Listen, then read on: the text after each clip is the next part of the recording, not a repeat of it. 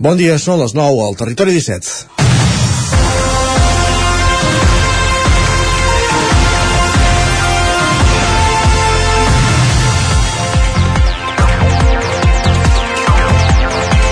Malestar entre els botiguers de Vic per un nou episodi de trencadissa de paradors i furs. Així titulava el 9-9 aquest dilluns la informació sobre els dos robatoris i un intent que durant el cap de setmana han patit tres comerços del centre de la ciutat, a la Rambla del Carme, a la plaça Major i al carrer Estret. En un d'ells, a més de tirar a terra la porta de vidres, van endur el botí, de botí el canvi del dia anterior que hi havia a la caixa enregistradora. Un altre era una joieria i van acabar i van anar a buscar només diners. No es van endur cap de les peces de bijuteria o rellotges que van quedar escampades per terra entre la trencadissa de vidres. En un tercer intent van deixar un vidre malmès sense arribar a rebentar-lo i dos objectes contundents de ferro al terra, potser perquè van haver de córrer, en veure sorpresos per algú. De totes maneres, cap veí va sentir ni veure res. Des de l'Ajuntament atribueixen aquests fets com uns de similars de fa 3 anys a la petita delinqüència de la ciutat que necessita diners per consumir droga i expliquen que ja s'han activat s'ha activat més vigilància i també els serveis socials a l'entorn d'aquest segment de població. Un segment que hi és, que sempre hi ha sigut i que no entén d'orígens ni colors de pell, per molt que ens vulguem tapar els ulls i que segurament des de l'acció social i sanitària és des d'on millor es pot abordar la seva situació. És dimarts, 24 de gener de 2024, en el moment de començar el territori 17 de la sintonia de Ràdio Cardedeu, Ona Codinenca, La Veu de Sant Joan, Ràdio Vic, el 9 FM i també ens podeu veure com cada dia a través de Twitch, YouTube, Televisió de Cardedeu, el 9 TV i la xarxa més. Territori 17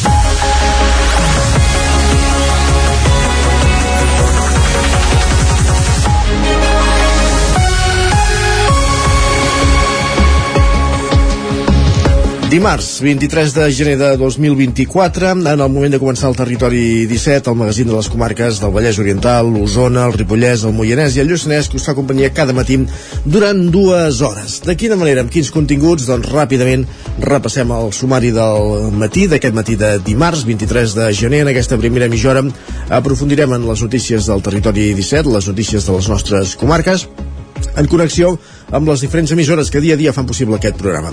També farem un cop d'ull al cel en una setmana que ahir en Pep Acosta resumia amb una paraula, anticicló, anticicló i anticicló.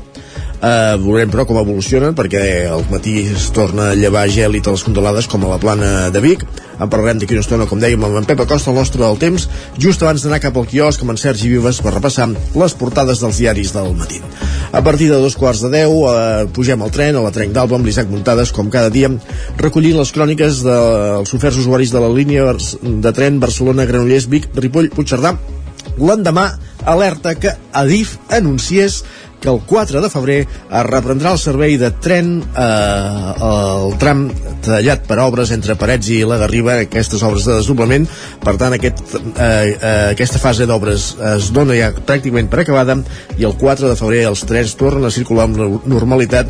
S'hauran acabat aquests mesos de servei alternatiu per carretera però no patiu que n'hi ha un altre de previst detall en aquestes obres de, de desdoblament que, que s'estan executant.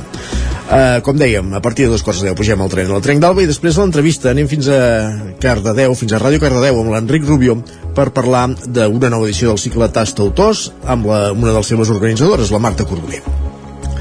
Més protagonistes a eh, acte seguit amb una següent entrevista amb, avui amb la Judit Casas, fotògrafa i arquitecta de Sant Pere de Torelló, que exposa eh, l'exposició, valgui la redundància, Mirades al Col·legi d'Arquitectes de Vic, a la delegació del Col·legi d'Arquitectes de Vic, una exposició eh, sobre, que, que relaciona rius i colònies industrials. En parlarem, com dèiem, amb la seva autora, l'autora d'aquestes fotografies a partir de 3 quarts de 10 del matí, aquí al Territori 17. A partir de les 10, just després, notícies, la previsió del temps i a la secció d'Economia, avui amb en Joan Carles Arredondo, parlarem de les mesures que va adoptar el govern del PP, les mesures econòmiques per recaptar més diners eh, que va eh, eh, decretar el govern del PP l'any 2016 amb Cristóbal Montoro al capdavant i que ara la justícia ha tombat. I posarem llum, en companyia, com dèiem, d'en Joan Carles Arredondo, el cap d'Economia del 9-9 del Vallès Oriental, a dos quarts d'onze ens endinsem al Twitter i amb en Guillem Sánchez i acabem el programa amb el podcast, el racó de pensar de la Maria López i avui parlant de el dolor.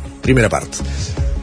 Per tant, aquest és el menú del Territori 17 d'aquest matí de dimarts i nosaltres, sense més, el que fem és posar-nos a servir-lo.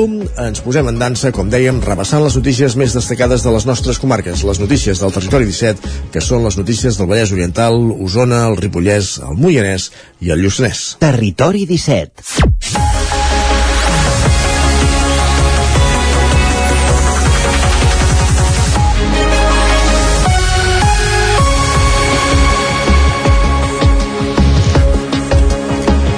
Gallifa, Granera i Sant Quirze Safaja han rebut un ajut de l'ACA per afrontar les despeses de portar aigua en camions cisterna. Roger Ram, zona Codinenca. Bon dia. Exacte aquests dies, l'ACA, l'Agència Catalana de l'Aigua, ha fet públic que destinarà nous ajuts a diversos municipis greument afectats per la sequera per tal de subvencionar els costos, sobretot dels camions cisterna que porten aigua potable i per també fer algunes actuacions d'emergència. El nou paquet d'ajuts s'ha dotat amb 1,3 milions d'euros que repartiran entre una seixantena de municipis catalans. Aquesta mesura afecta en aquesta ocasió a tres municipis de l'entorn de Sant Feliu de Codina, són Gallifa, el Vallès Occidental i Sant Quirze Safaja i Granera al Moianès. En el cas dels dos municipis moianesos, el govern els ha atorgat dues ajudes per finançar els costos dels camions cisterna que proveeixen d'aigua potable als dos pobles. En el cas de Granera, rebrà 55.303 euros, mentre que l'Ajuntament de Sant Quirze Safaja en rebrà 15.543. En el cas de Gallifa, el Vallès Occidental, la partida que l'Agència Catalana de l'Aigua hi ha destinat és de 25.152 euros, que en aquest cas es divideixen en dues accions. D'una banda se'n destinarà una part a pagar també els costos dels camions cisterna i de l'altra es destinaran a finançar algunes de les accions que s'hi han fet en el 2023 per tal de controlar i reduir els consums d'aigua potable al municipi. Cal destacar que des que es va activar el pla de sequera per part de la Generalitat al setembre de l'any 2021 s'han destinat prop de 200 milions d'euros en ajuts que han servit per modernitzar algunes xarxes d'aigua, reparar fuites o implantar millores per tal de tenir sistemes més eficients. A més, no és el primer cop que l'ACA llença línies d'ajut per apaivagar els costos dels camions cisterna als ajuntaments, ja que fins a 700 municipis, incloent Sant Feliu de Codines, s'estan beneficiant actualment d'aquests ajuts per tal de fer front al sobrecost derivat d'haver de portar aigua potable de fora del terme municipal. Més qüestions, el Departament de Salut construirà un nou CAP de, a Vic, que substituirà l'ambulatori de la plaça Divina Pastora. La Generalitat i l'Ajuntament de Vic treballen ara per trobar el terreny on s'ha d'ubicar el nou centre Sergi Vives, el nou FM. Ho va avançar divendres en una entrevista al 9-9 i al 9-TV el conseller de Salut Manel Balcells, que va ser a la capital osonenca per inaugurar la nova àrea d'urgències de l'Hospital Universitari de Vic. Ubicat a la plaça de la Divina Pastora, al Cap Vic Nord, es tracta d'un centre d'atenció primària desactualitzat, pendent des de fa anys d'unes obres de reforma. Després d'anys d'incertesa, però, la Conselleria opta ara per construir unes instal·lacions noves que substituiran a les actuals i que permetran a la capital osonenca tenir un equipament dimensionat al creixement de la població de Vic. L'emplaçament, però, segons el conseller, encara està per determinar estem en aquest moment doncs, a l'espera de quin és el millor espai, això és un tema doncs, a parlar i estem parlant amb l'Ajuntament, però hi haurà un nou CAP nord dimensionat per la població i pel creixement de la població i sobretot pels nous rols professionals que estem introduint a la primària. Aquest anunci se suma a una altra de les grans actuacions que Salut ja ha iniciat a la capital osonenca, la d'ampliar i millorar les instal·lacions del Cap del Remei, unes obres pressupostades en 1,3 milions d'euros. També hi ha diverses millores a CAPs i, a, i, i, ambulatoris i, i centres de, de primària de Manlleu, de, de Taradell, de, de, de Viladrau, de, de Torelló, que eh, permeten de que hi hagi una millor coordinació entre la primària i l'hospital i que puguem donar una millor resolució. Per tant, és una aposta important que fem a la comarca d'Osona pivotant molt sobre la primària i, a més a més, eh, donant més eh, resolució a l'hospital obres que permeten avançar cap a l'estratègia de promocionar la salut, no només tractar els pacients, sinó fer que emmalalteixin menys. Una fórmula que implica professionals, espais i comunitat.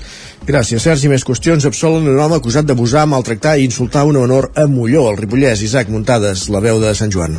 L'Audiència de Girona va absoldre l'acusat que s'enfrontava a 9 anys de presó per abusar sexualment, maltractar i insultar una menor a Molló entre novembre de l'any 2018 i el març del 2019. Durant aquest període, el processat i la mare de la menor van viure plegats i van tenir una altra filla. La sentència de la secció tercera va concloure que l'absència total de proves va descartar una sentència condemnatòria, ja que no es va poder acreditar que el processat entrés en diverses ocasions a l'habitació on dormia la nena, que aleshores tenia 8 i 9 anys, es tombés al seu costat i li fes tocaments. El tribunal també recollia que entre la mare i el processat va haver-hi un conflicte exacerbat, però que no hi havia cap objectiu que sostingui les actuacions. La Fiscalia demanava 8 anys de presó i 20 dies de localització permanent per un delicte continuat d'abús sexual a menor agreujat per la relació de parentiu, dos delictes de maltractament en l'àmbit de la violència domèstica i un delicte lleu continuat de vexacions injustes. Per la seva banda, l'acusació particular va elevar la petició a 9 anys de presó i multa de 2.160 euros per un delicte continuat d'abús sexual, un delicte continuat de maltractament en l'àmbit de la violència domèstica i un delicte lleu greu continuat de vexacions. En concepte de responsabilitat civil volien que l'acusat indemnitzés la menor amb fins a 12.000 euros pel dany moral. Al judici, el processat va negar les acusacions i va dir que la mare de la menor el va denunciar per rancúnia, perquè ell mai va voler tenir una relació sentimental amb ella i per això la defensa va sol·licitar l'absolució.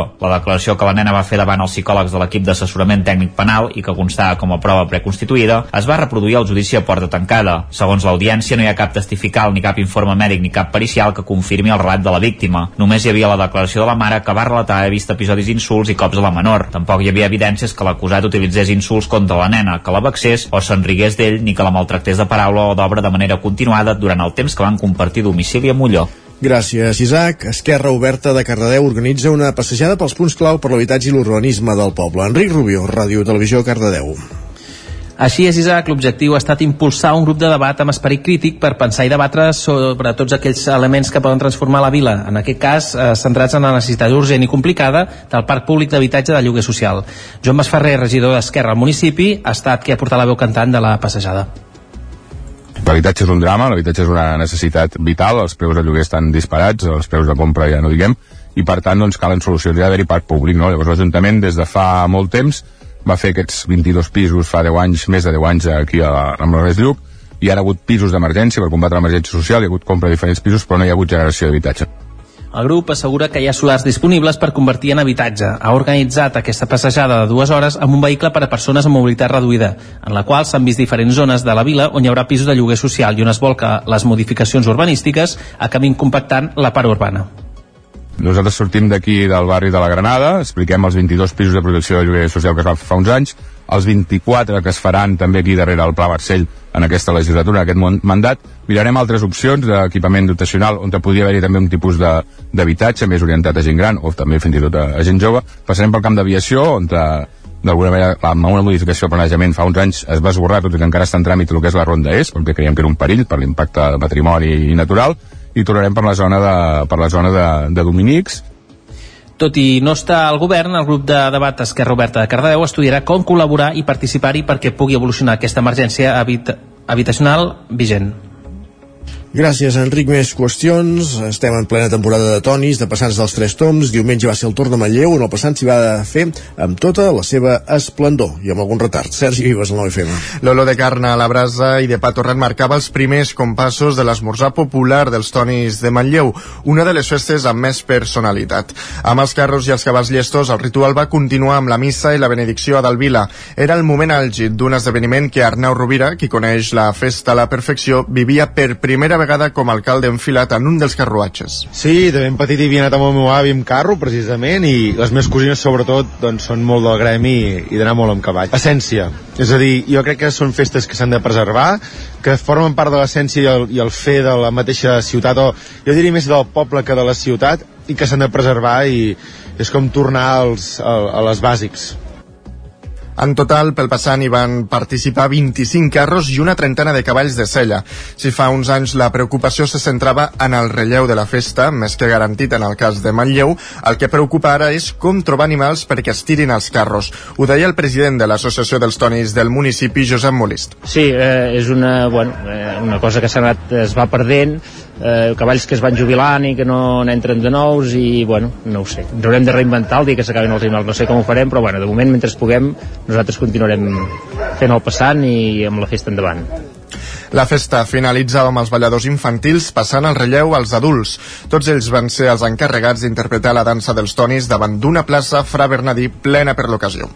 I la ballada de la trencadansa amb les balladores ruixades amb la colònia de les Almorratxes era ahir el moment culminant de la Festa Major de Sant Vicenç a Prats de Lluçanès. A la plaça Vella també s'hi van poder veure els Ballet de Déu, ja amb tots els ensaires i també la corranda, que per primer que primer va fer el grup de balladors i després va comptar amb la participació del públic. De fet, en aquesta última part hi va ballar la consellera de Justícia, Gemma Ubasart, que va assistir en aquesta celebració. De tot plegat en van parlar el dansaire Isaac Romero i l'alcalde Jordi Bruc. La llàstima en els pobles és que les tradicions s'acaben perdent si no t'hi poses i llavors doncs, eh, per, fer, no, per fer poble, per poder estar al costat de Dansa i Tradició, que és el grup qui, qui organitza, doncs ens van cridar i aquí som per, per mantenir les tradicions.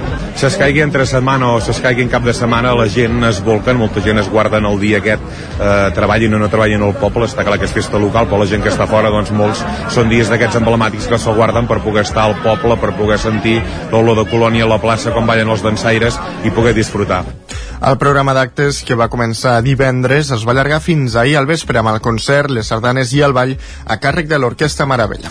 I el concert de Josep Colom era el primer divendres al vespre del cicle que l'Atlàntida dedica a la integral de l'obra pianística de Frederic Montpou, una obra completa que reparteix en quatre actuacions. Colom protagonitzava la primera i dissabte li va agafar el relleu Adolf Pla. Els concerts es complementaran el cap de setmana que ve Alba Ventura divendres i Emili Brugalla dissabte. El repertori que va interpretar Josep Colom el formaven les peces, tres variacions, diàlegs, preludis, cançons i danses i el primer llibre de la música callada. El cicle també inclou activitats formatives i xerrades. L'anomenat projecte Montpou forma part dels grans concerts de l'Atlàntida s'organitza amb l'Escola de Música de Vic, que està celebrant el seu 180è aniversari. L'objectiu de la iniciativa és reivindicar la figura del músic català d'abast universal i facilitar que se'l conegui.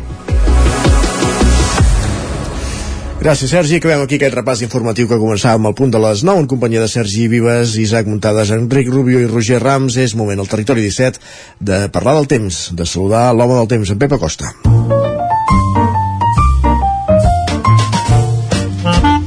Casa Terradellos us ofereix el temps. Ona Codinenca, Pep Acosta, benvingut. Bon dia, bon dimarts. Hola, molt bon dia. Com estàs? Una salutació a tota la gent que fa possible el programa, també, com no pot ser, una salutació a tots els espectadors. Què tal esteu? Com va aquest dimarts? Com ha començat? Espero eh, que millor que el temps, eh? Perquè jo sempre dic que el bon temps és aquell eh, que toca... Eh, o sigui, el millor temps és el que ha de fer. El temps que ha de fer és el millor temps. No hi ha ni bon temps ni temps dolent, sinó que és el temps que ha de fer. I eh, aquest gener eh, és normal, el gener és molt normal que, que tinguem anticicló, que tinguem eh, aquest, boires, que tinguem eh, eh, tranquil·litat meteorològica. El que no és normal és un anticicló càlid com el que, com el que tenim, com el que està instal·lat sobre nostra.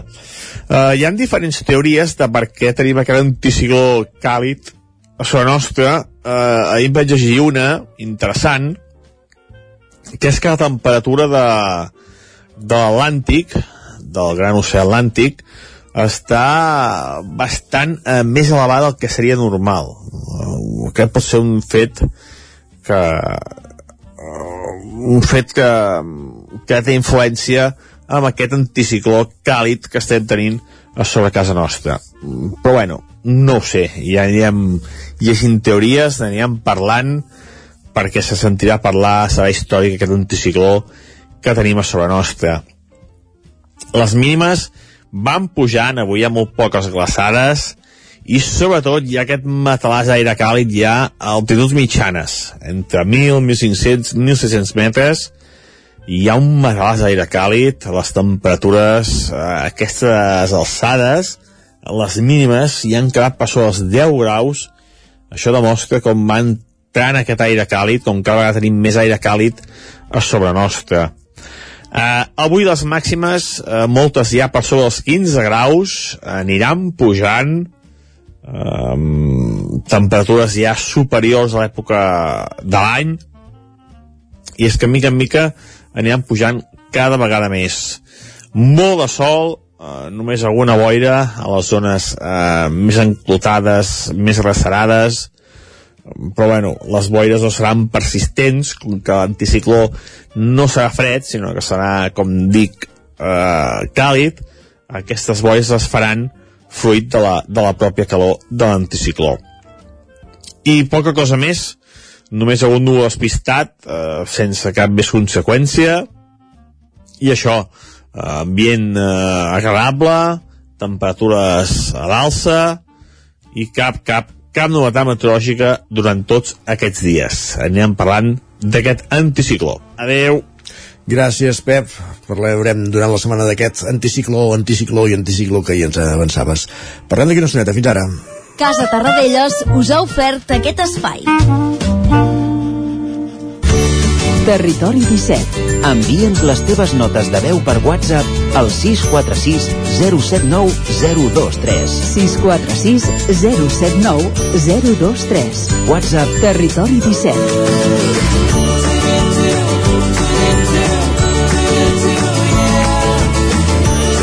Territori 17. Som a Facebook, Twitter i Instagram amb l'usuari Territori 17.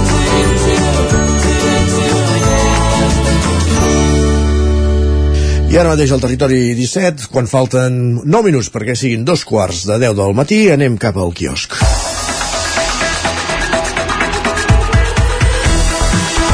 Perquè és moment, Sergi, de repassar quines són les portades dels diaris del matí. Avui, dimarts, 23 de gener de 2024.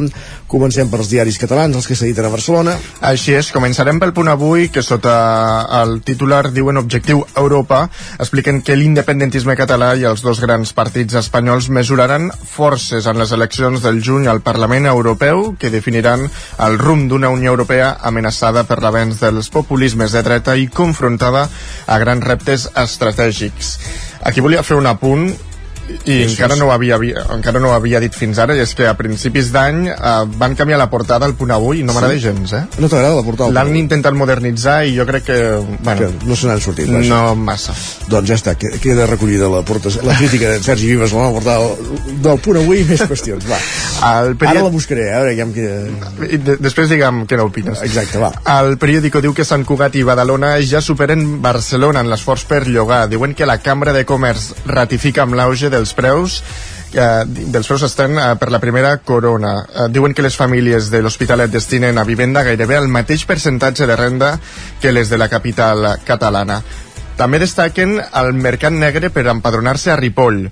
Diuen que estafadors, els estafadors s'aprofiten de les traves de que l'alcaldessa posa als migrants per demanar fins a 200 euros pel tràmit. Vaja, el que passa a Ripoll ja ha passat a, passa o ha passat en altres llocs eh, abans, eh? sí que és veritat que ara el, el periòdico té el focus posat en Ripoll, però no fa gaires mesos que també vam denunciar un cas eh, a Manlleu. Exactament. Més qüestions, va. La Vanguardia diu que la Fiscalia obre la seva primera investigació sobre l'operació Catalunya. Expliquen que l'acusació pública indagarà sobre l'intent del Ministeri de l'Interior de desprestigiar Rodríguez Sol, fiscal en cap de Catalunya el 2012. Per altra banda, diuen que la llei trans catalana preveu un mediador entre pares i menors de 12 a 16 anys. Expliquen que l'arbitratge s'activarà quan discrepin els fills i els progenitors. Um, Lara diu que la Fiscalia obre una investigació per l'operació Catalunya. Expliquen que estudia les uh, suposades maniobres de la policia patriòtica contra l'exfiscal en cap de Catalunya. Diuen que el Tribunal Suprem mou peça per decidir si accepta la causa de Puigdemont per terrorisme. Per altra banda, diuen que els àudios del bar al Madrid-Almeria evidencien una influència excessiva. Això depèn qui ho digui, perquè Isaac Montades ahir a la tertúlia precisament deia que els àudios avalaven la, que, que tot s'havia fet bé. De fet, La Vanguardia també recull... Són els dos únics uh, diaris que, que ho diuen eh, i el que diu La Vanguardia és com el mal ús del bar rescata al Madrid. Doncs vaja, eh, ja et dic que l'Isaac Montades en discrepava molt d'aquesta afirmació. Ara, No, no, no així l'Agustí Danés, també val a dir. Va, més qüestions. Va. Ara els diaris que venen a continuació sí que d'això no en parlen, No, parlen no sobre altres coses. Negreira, negreira. anem al país, diu que la Unió Europea debat en, a un pla de pau per crear un estat palestí. Expliquen que Borrell dissenya un esquema de 12 punts per resoldre el conflicte. Diuen que Espanya i Bèlgica lideren la pressió perquè Israel accepti negociar i afegeixen que la diplomàcia europea implica els països àrabs en les conversacions.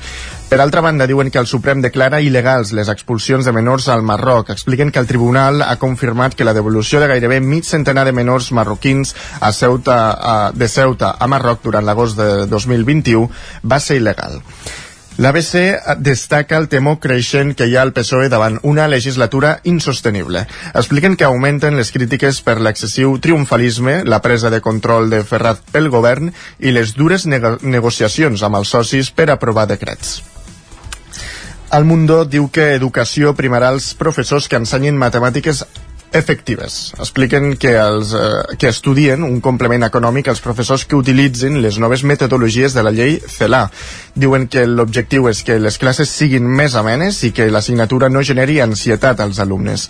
Diuen que el PP prepara el seu propi pla de xoc alternatiu per les 12 autonomies que governa. Mare de Déu senyor. Llavors anem com anem, amb informes PISA, en fi. i arribem al final del repàs del Portades amb la Razón, que diu que Moncloa prioritza l'amnistia abans que els pressupostos. Expliquen que el PSOE, sense complexos, veu la democràcia més completa comptant amb Puigdemont i Junqueras.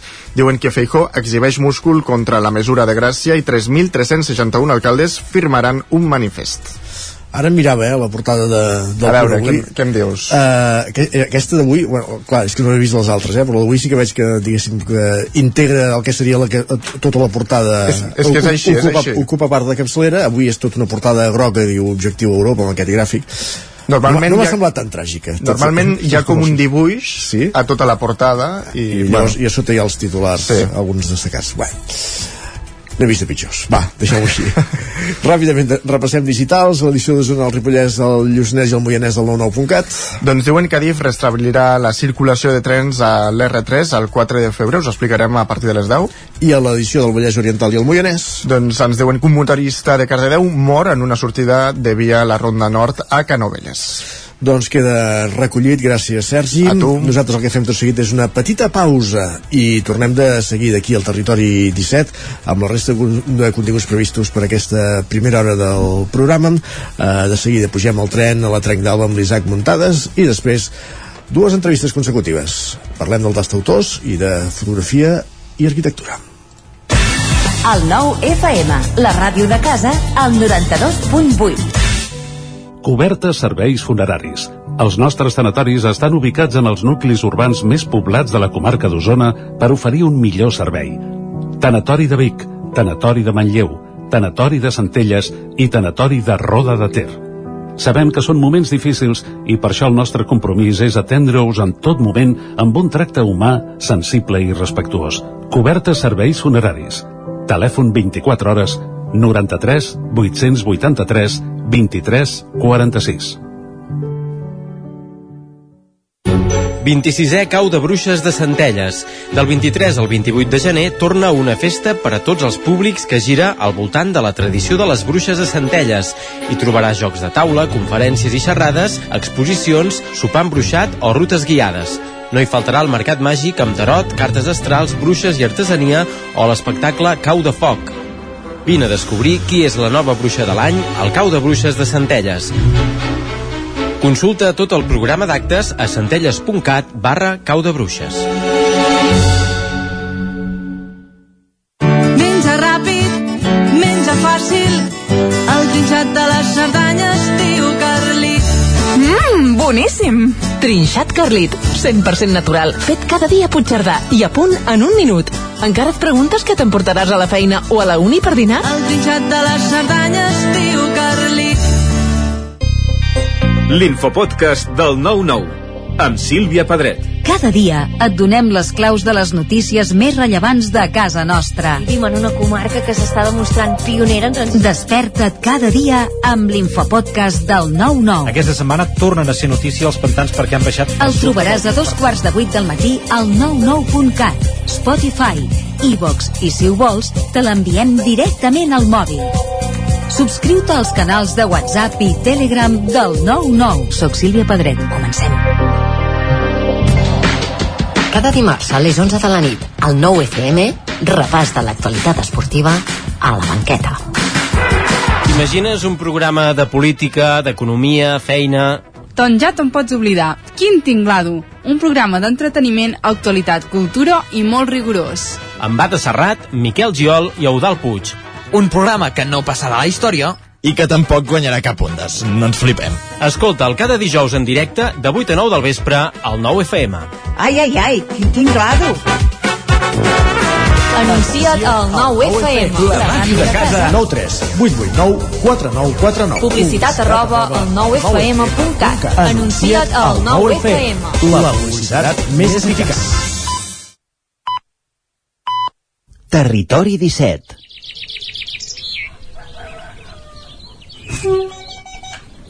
A Tren d'Alba. Cada dia els usuaris i usuàries de la línia R3 de Rodalies que veuen sortir el sol des d'un vagó ens expliquen les gràcies i les penes del primer comboi que uneix Ripoll i Barcelona o les feixugues jornades amb el tren després de treballar. Benvinguts a Tren d'Alba. Doncs avui toca donar-vos una bona notícia perquè el pròxim diumenge 4 de febrer al matí és la data escollida per Adif per a la represa de la circulació de trens de la línia R3 entre les estacions de Parets del Vallès i el Figaró, que estava interrompuda des del dia del Pilar, el 12 d'octubre de l'any passat, per les obres de desdoblament de la línia entre Parets i la Garriga. Gràcies a això, la línia recuperarà els recorreguts habituals entre l'Hospitalet i la Garriga, Vic, Ripoll o Puigcerdà, i ja no caldrà utilitzar autobusos. El restabliment implicarà la fi del dispositiu alternatiu per carretera que ha permès cobrir el tram entre les estacions de Parets i Centelles. És una demanda que el col·lectiu perquè no ens fotin el tren havia verbalitzat en les darreres jornades, exigint un calendari de la represa del servei de Renfe el més aviat possible. Cal recordar que a l'inici del tall, Renfe i Adif van fixar aquesta recuperació del servei per a la segona quinzena de gener, per tant s'hauran darrerit pocs dies. En les pròximes jornades es tornarà a deixar la via i les estacions de Granollers Canovelles, les Franqueses i la Garriga preparades per acollir convois. A les tres estacions s'han renovat i ampliat les andanes i s'han adaptat a les necessitats de la doble via. Aquesta fase d'obres del desdoblament també ha implicat la retirada de les vies en alguns trams del traçat, també de la catenària. Ara es treballa per refer la infraestructura que s'ha retirat. Està previst que els dies previs al restabliment del servei es facin proves de circulació amb trens. Territori 17 Un minut i mig que passen de dos quarts de 10 del matí.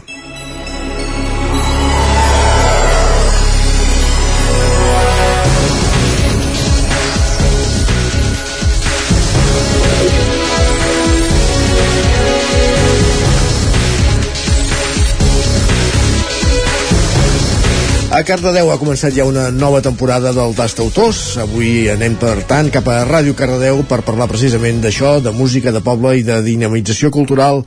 Enric Rubio, Ràdio Televisió Cardedeu, benvingut de nou, bon dia. Bon dia, Isaac. Doncs així és, és que a més enguany no és un any més pel Tastautors, és que fa 20 anys, es diu ràpid perquè jo aquells anys estava acabant l'institut, així que no són pocs. El Tastautors és un d'aquells cicles de música on saps que pots anar-hi sense mirar qui actua i saps que sigui qui sigui serà una ballada especial, d'aquelles que surts i penses a què concert el recordaré, o aquesta cantant és un dels pilars de l'escena musical catalana. I és que podríem dir que és una guia de bon gust i talent en una vila que sap apreciar aquestes qualitats i que abraça any rere any l'esdeveniment, com a quelcom seu i que cal abanderar. Per parlar de tot això tenim avui amb nosaltres a una de les organitzadores, que pels que no siguin de Cardedeu direm que de cognom es diu Cordomí, però que ben bé podria dir-se Cultura o Barri és que està a tot arreu.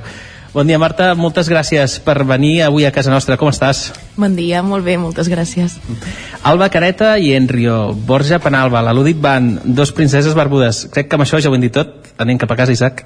Quin tros de programació 2024, no, Marta?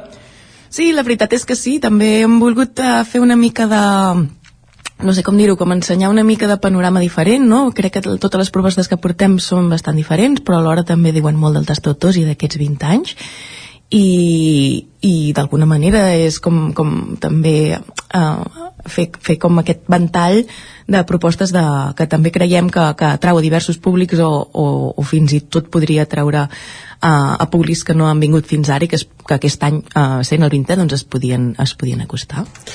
Bon dia, Marta. Uh, ara en, en l'Enric ens ha fet una àmplia introducció de, del que és el tast d'autors i de la trajectòria, però explica'ns una mica, anem molt enrere ara, eh? Com, com va sorgir tot plegat? Mm.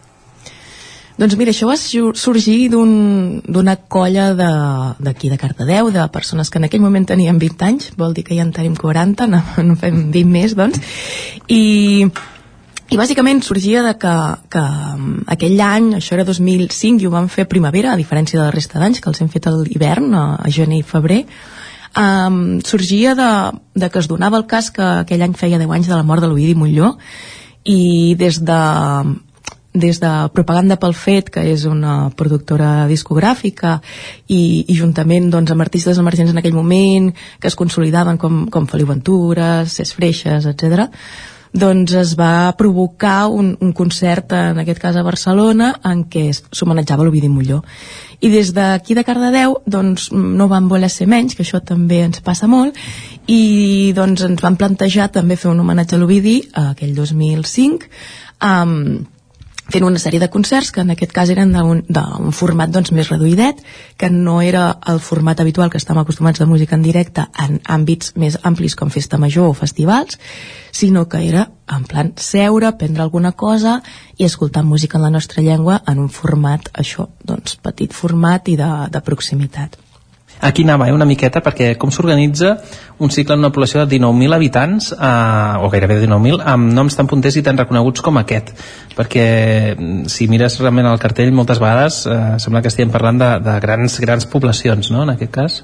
Sí, mm, s'organitza doncs amb, amb molta il·lusió de que esperem que en el nostre públic, que és el públic de Cardedeu, però també és el de la comarca i de comarques properes, mm, s'engresqui com nosaltres i vol dir que també hi ha una mica de patir de que sí, els agradarà, la gent s'atraurà de venir, se convencerà de venir, uh, hi ha una mica de patiment, hi ha moltíssima il·lusió i, i també hi ha cert risc, no? hi ha cert risc també econòmic que, que esperem doncs, una sèrie de, de persones que puguin venir i, i, i gosin venir i pagar l'entrada i, i que alhora ho gaudeixin i puguin repetir. Vull dir, això ens ha passat, em sembla, cada any dels 20 anys i cada any hi ha aquest, aquesta mica de patiment amb, amb molta esperança de que realment agradi i és això, sí, sí, apostem per grups que, que són bastant reconeguts i, i ens agrada de convidar, clar, i de tenir en directe aquí amb això que comentaves ara del, de que vingui la gent i que pagui l'entrada doncs eh, també és, és curiós perquè si, si mirem realment el, el preu dels diferents concerts mm, no és un impediment m'atreviria a dir per, per, per ningú realment. No, no hauria de ser un impediment és veritat que hi ha molts descomptes. Aquí al Teatre Auditori Cardedeu hi ha el descompte del 20% que, que si es repassa doncs hi ha moltes casuístiques per les quals acollir-s'hi. Per tant, gairebé és més apropiat referenciar-se com a preu base al preu de, de ja descomptat el 20% eh, que no pas el general perquè realment hi ha moltes casuístiques. I intentem això, que, que el preu no sigui un impediment perquè, perquè pensem, i des del principi, i de fet al principi fèiem preus encara més rebentats, no? de que, que volíem que, que les persones no només vinguessin les convençudes d'escoltar aquell grup, sinó que hi hagués potser aquesta possibilitat de dir no els conec de res, però me'n refio i vaig a, a tastar no? Aquest, aquesta proposta que tinc en aquest cas aquest dissabte o aquest divendres uh -huh. Els concerts ara es fan al Teatre Auditori de Cardedeu però sempre ha estat aquesta l'ubicació o heu jugat en altres espais de, del poble? No, al principi eh, eh, ho vam fer a la sala del costat, que és la sala Sarau. Uns pocs metres. Sí, uns pocs metres, paret en paret. Um, I tenia, sobretot, insistia molt en aquest format més de tauletes per prendre alguna cosa, amb una proximitat extrema, amb un escenari de 20 centímetres de tot just, i, i fins i tot gairebé rodejant el, el grup Um, el cert és que el cicle ha anat creixent i, i va passar a que una de les quatre sessions anuals es feien al Teatre Auditori, que era com el, el, colofó final, i, i finalment ens vam afincar al Teatre Auditori per una qüestió també de d'espai escènic, que era molt més amable i molt més... Um, jo podia jugar molt més amb llums, que el que fèiem a la sala Sarau era bastant més precari, um, i també de cara a la sonorització doncs eh, realment es notava però, però sí que al principi vam, vam estar a la sala Sarau i la sala del Cantó com hem, com hem dit, eh, venen molts artistes reconeguts de l'escena catalana, però el Tastautors també ha servit sovint per donar a conèixer eh, joves talents. Eh, és una cosa que, de fet, acostuma a passar a Cardeu, inclús no només al Tastautors, sinó mm -hmm. també a festes majors, no? Sí, um, és aquestes dues potes, d'alguna manera, um, que, que ens interessaven, no? ja des de bon principi, i m'atreviria a dir que al principi encara més, no? de, de, de poder donar peu, de donar espai uh, a gaudir en directe d'un projecte que segurament no coneixíem i, i en forma de taloner o en forma de de dia concret d'actuació, doncs, doncs ens agradava tenir aquest espai, no? Eh, siguin artistes potser joves de, de la zona, però també a vegades artistes com de la Catalunya Nord que potser no han acostumat a venir aquí o no els tenim tan recents a, Que costa molt més arribar-hi, Sí. per, per la seva visibilitat Sí. més baixa. clar. i ens agradava doncs, de convidar-los també i de, de poder-los gaudir en directe i que pogués ser aquesta mena de- d'espai singular no? mm. En, en aquesta edició, pel fet de ser el 20è aniversari, s'ha fet alguna cosa diferent, alguna cosa especial, diguéssim, per celebrar-ho? Doncs per celebrar-ho encara no s'ha fet, però l'altre dia justament vam desvetllar i tot just s'ha de desbombar les xarxes que l'últim dia... Sí, eh, l'últim dia, que és el concert aquest del Big Band, que té aquest punt una mica més festiu, perquè el farem a més a més sense grades i amb servei de barra durant el concert, doncs eh, proposem un sopar just abans, un sopar popular, obert, a preu més o menys popular, uns 15 euros tot plegat, um, i, i serà just abans del concert i immediatament després d'aquesta mica d'entrevista que fem en els artistes de, de cada una de les nits. Aquest, tinc una cadira de, de la gent de ràdio intermitent que es fan al vestíbul del teatre. Doncs poder gaudir d'aquesta entrevista amb els artistes de la Lupi Band tot seguit un sopar a la sala Sarau que serà com aquesta mena de fer-ne una mica de festa i, i tot seguit, tot molt picadet el concert a, al teatre. És molt interessant aquesta part que ens de la cadira. Un apunt, Isaac, si vens a convido una cervesa, perquè ja et dic que segur que valdrà molt la pena, tant pel grup com per l'espai, i explica'ns No una miqueta... el, el fet de tinc una cadira que és, que és un format molt interessant perquè és com diguem el, la, el vermut no? abans de començar el, el, el, el plat fort eh, és molt interessant, comenta'ns. Tal qual, és el vermut abans de l'àpat fort i, i ens agrada molt perquè és aquesta mena de trobada entre i, i també trencar com aquesta mena de barrera que suposa l'escenari entre els que som bàsicament públic, no? espectadors, amb els que després actuaran a l'escenari, amb les seves xerrameques que incorpora l'espectacle, etc. Però aquesta conversa que, ens, no? que lidera el Joan Gené amb aquest projecte, al vestíbul del teatre, eh, en, en què no deixa de ser una mena d'entrevista oberta en què tots estem en allà i fins i tot hi podem posar cullerada, um, és, és veritat que t'acosta molt el seu procés creatiu de l'artista, eh, com ha viscut les coses, si pateix o no pateix, si li encanta, si... Totes aquestes coses com més de, de coret i que no necessàriament ho ha de ho ha de dir de l'escenari dintre, el seu, dintre el seu espectacle doncs és, és molt xulo i és molt enriquidor la veritat i a més, inclús físicament això que deies no? d'aquesta mm. proximitat és, és com fer-se un, un Helio no? també que estàs allà a Sí. tocar molt a prop i jo crec que això mm, per molta gent que potser inclús té, té el seu grup que, i el té com molt mitificat no? en aquest cas de dir, ostres, els, els veig allà molt llunyans crees Mm. aquesta, aquesta empatia, aquesta conjunció, no? Exacte, i coses molt curioses, tipus, ah, no, jo vaig aprendre a tocar la guitarra sol, i què? Com? I ho expliquen així, no? I és com molt, és com molt divertit i molt, ja et dic, um, surts d'allà com amb un acostament molt, molt bèstia a, a tot el- l'artista com a persona, diguéssim, no? I ara un, un apunt important, eh, com han de comprar les entrades les persones que ara mateix ens estiguin escoltant? Que aquí va, anem Doncs a- les entrades anticipades es poden trobar a teatreauditori.cardedeu.cat, tast, també linkades a tastautos.cat i en qualsevol cas també a taquilla una hora abans de cada un dels espectacles es podran comprar també entrades. I, Marta, una mica com treballeu durant l'any, com confeccioneu aquest programa, eh, com decidiu els artistes que, que vindran, una mica com, com és la, la preparació de, del Tast Autors. A veure, s'ha de dir que és una preparació, anava a dir assembleària, no, no, no ens sabria dir si assembleària, però sí que és una reunió coral a vària gent, amb la qual cosa hi ha moltes impressions i, i potser alguna mica de batussa en algun moment de què, com s'entén cadascú que hauria de ser la cosa.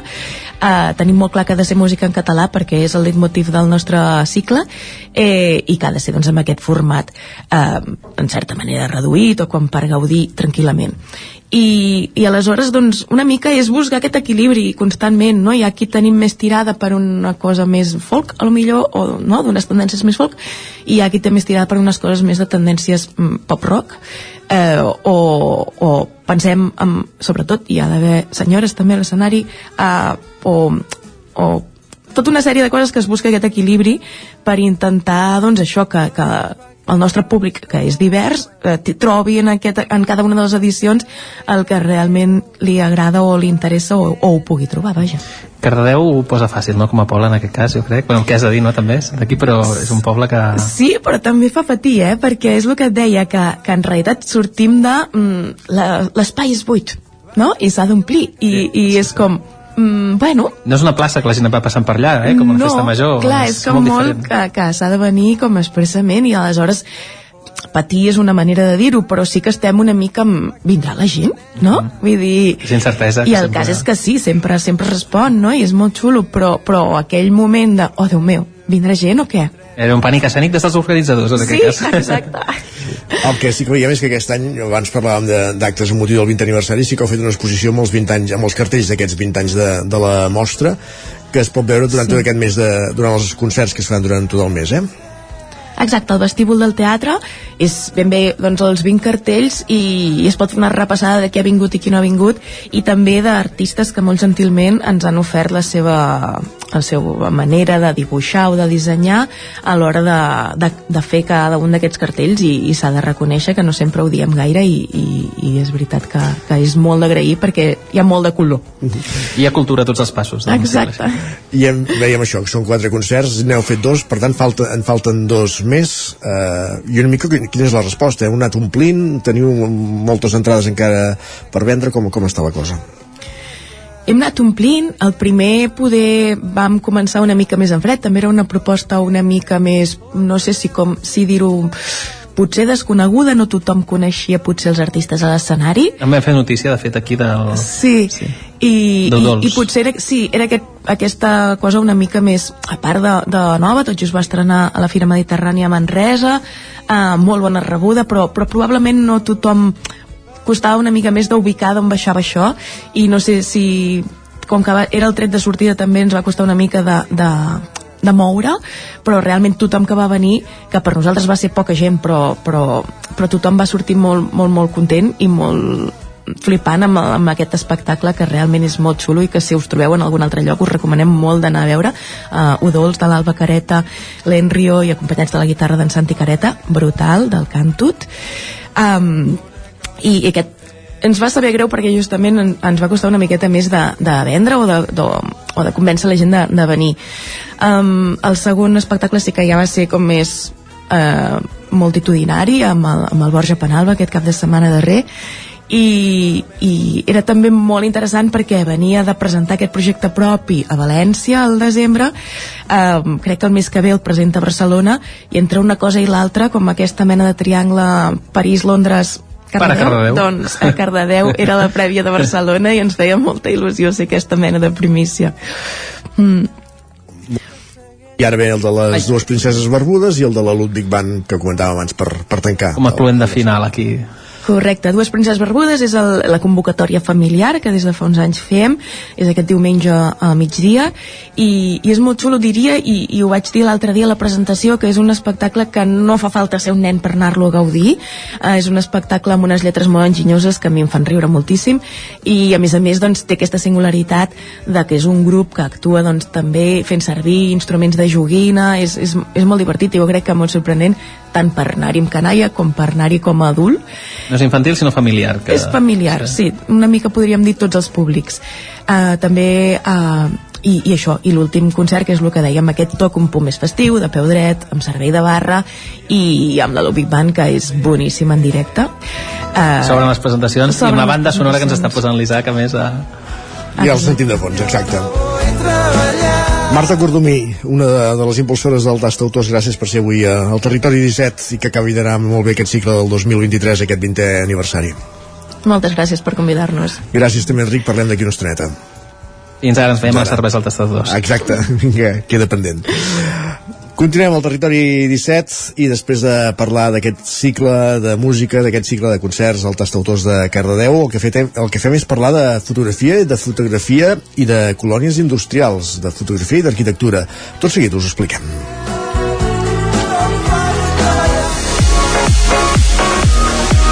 Territori 17. 11 minuts i mig i seran les 10 del matí.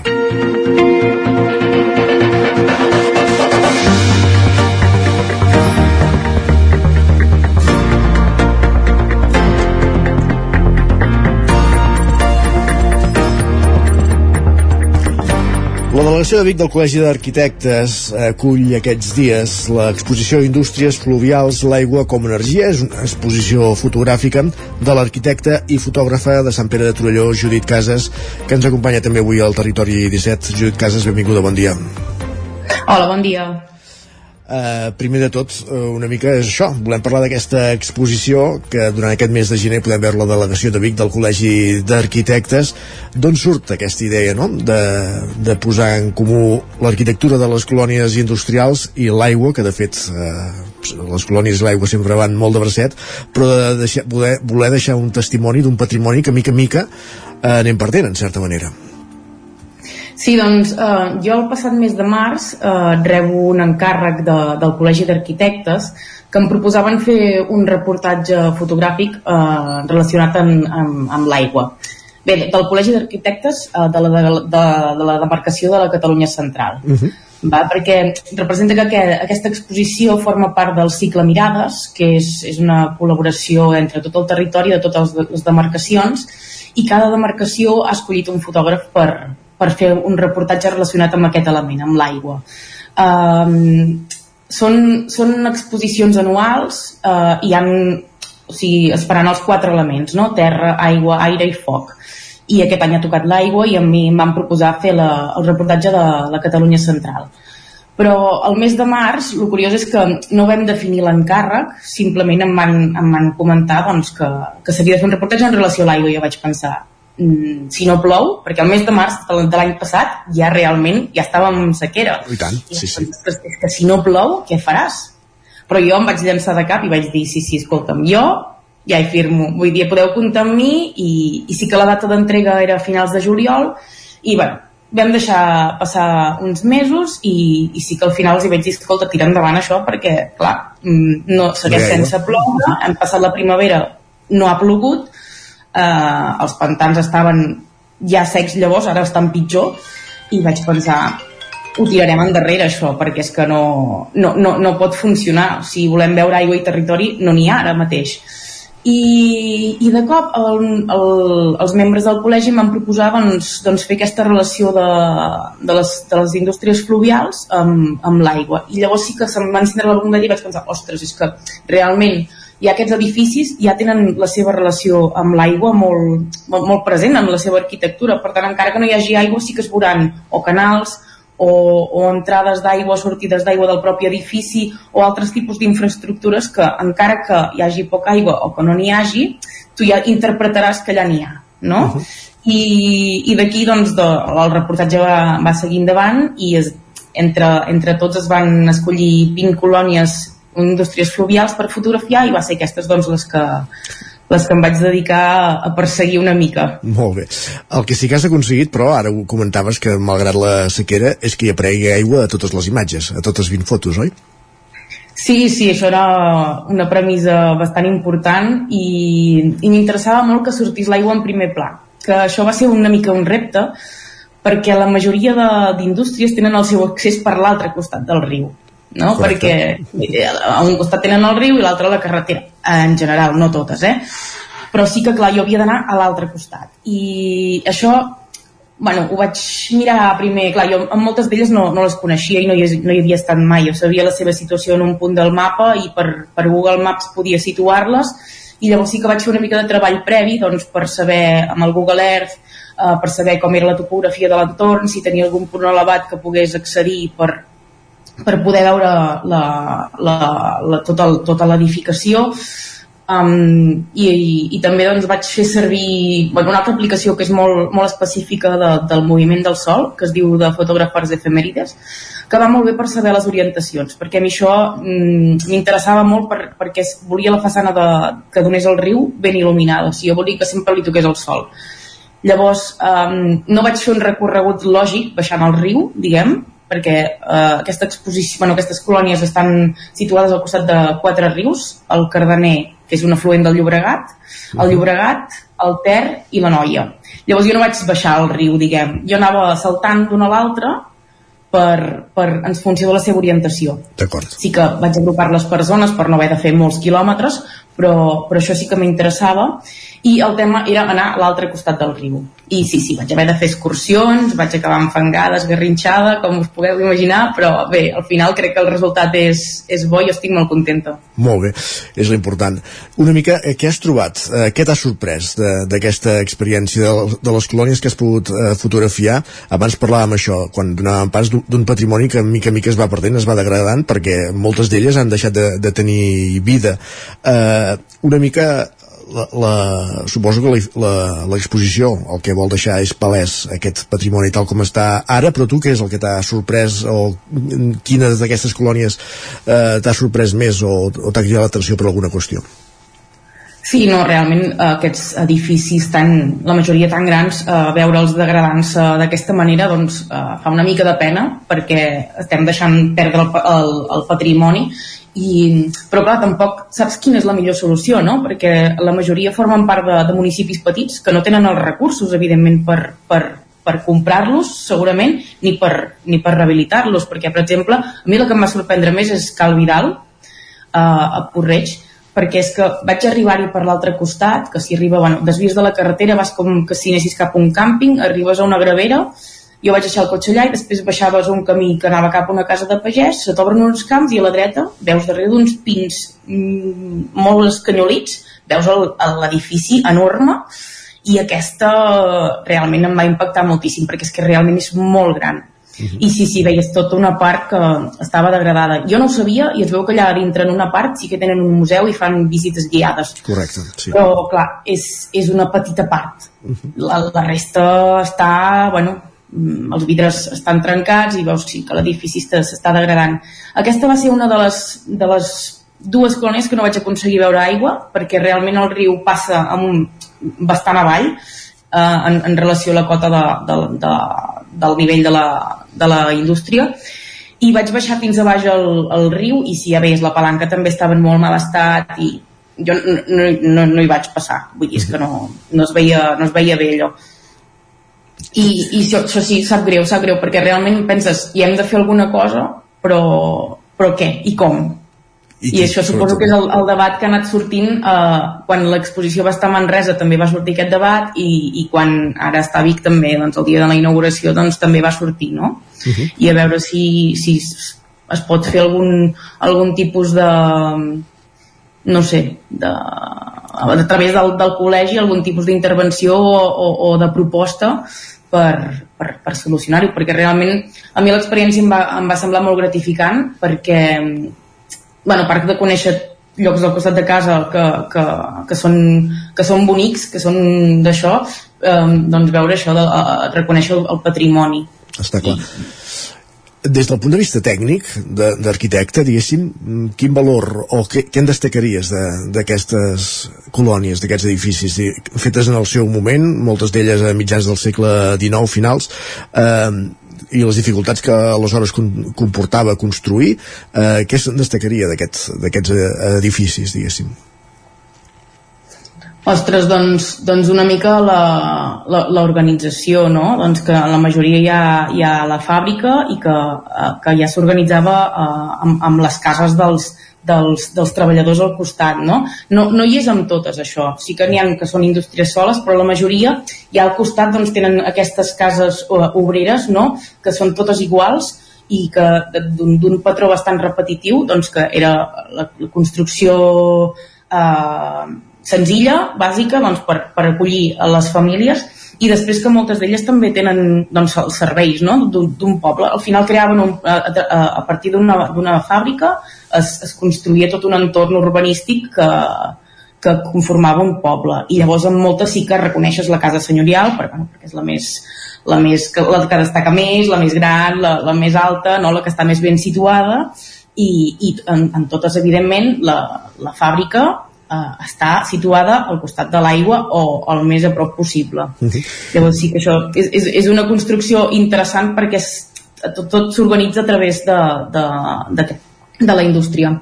De les 20 imatges que hi ha, són totes de colònies abandonades o n'hi ha d'actives? Eh? Penso aquí la comarca d'Osona, per exemple, que Borgonyà és una colònia que ja no té l'activitat la, industrial que havia tingut originàriament, però s'hi manté indústria i, i, i continua sent un poble on, on, on hi viu gent. És un cas singular, el de Borgonyà, o n'hi ha d'altres com aquesta, diguéssim, que continuen actives? N'hi ha d'altres. Mira, ara eh, estic pensant a, a Castellvell i al Vilar, que uh -huh. hi ha la Bauma, que sí. aquesta també estava, estava en ús, uh, i no s'hi no podia accedir a través del pont. Um, I mira, ara faig un, una repassada. Mira, Cal, Cal Berenguer de Sallent també estava ús. Clar, jo no, no, no sé si realment uh, ho ha estat uh, sí. tota, uh -huh. la, el 100% de, de l'edificació, però almenys una part sí.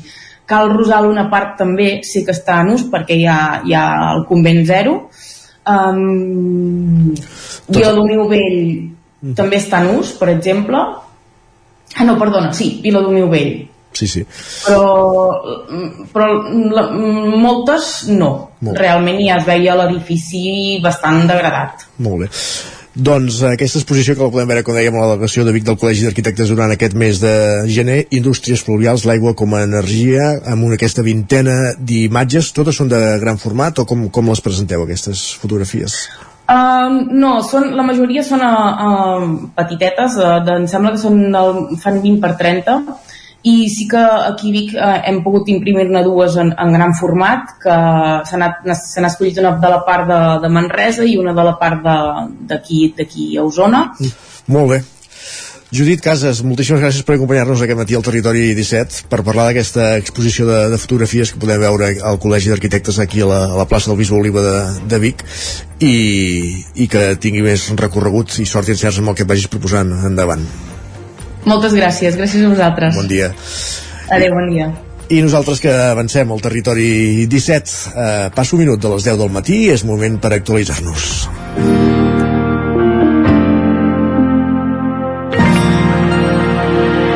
Territori 17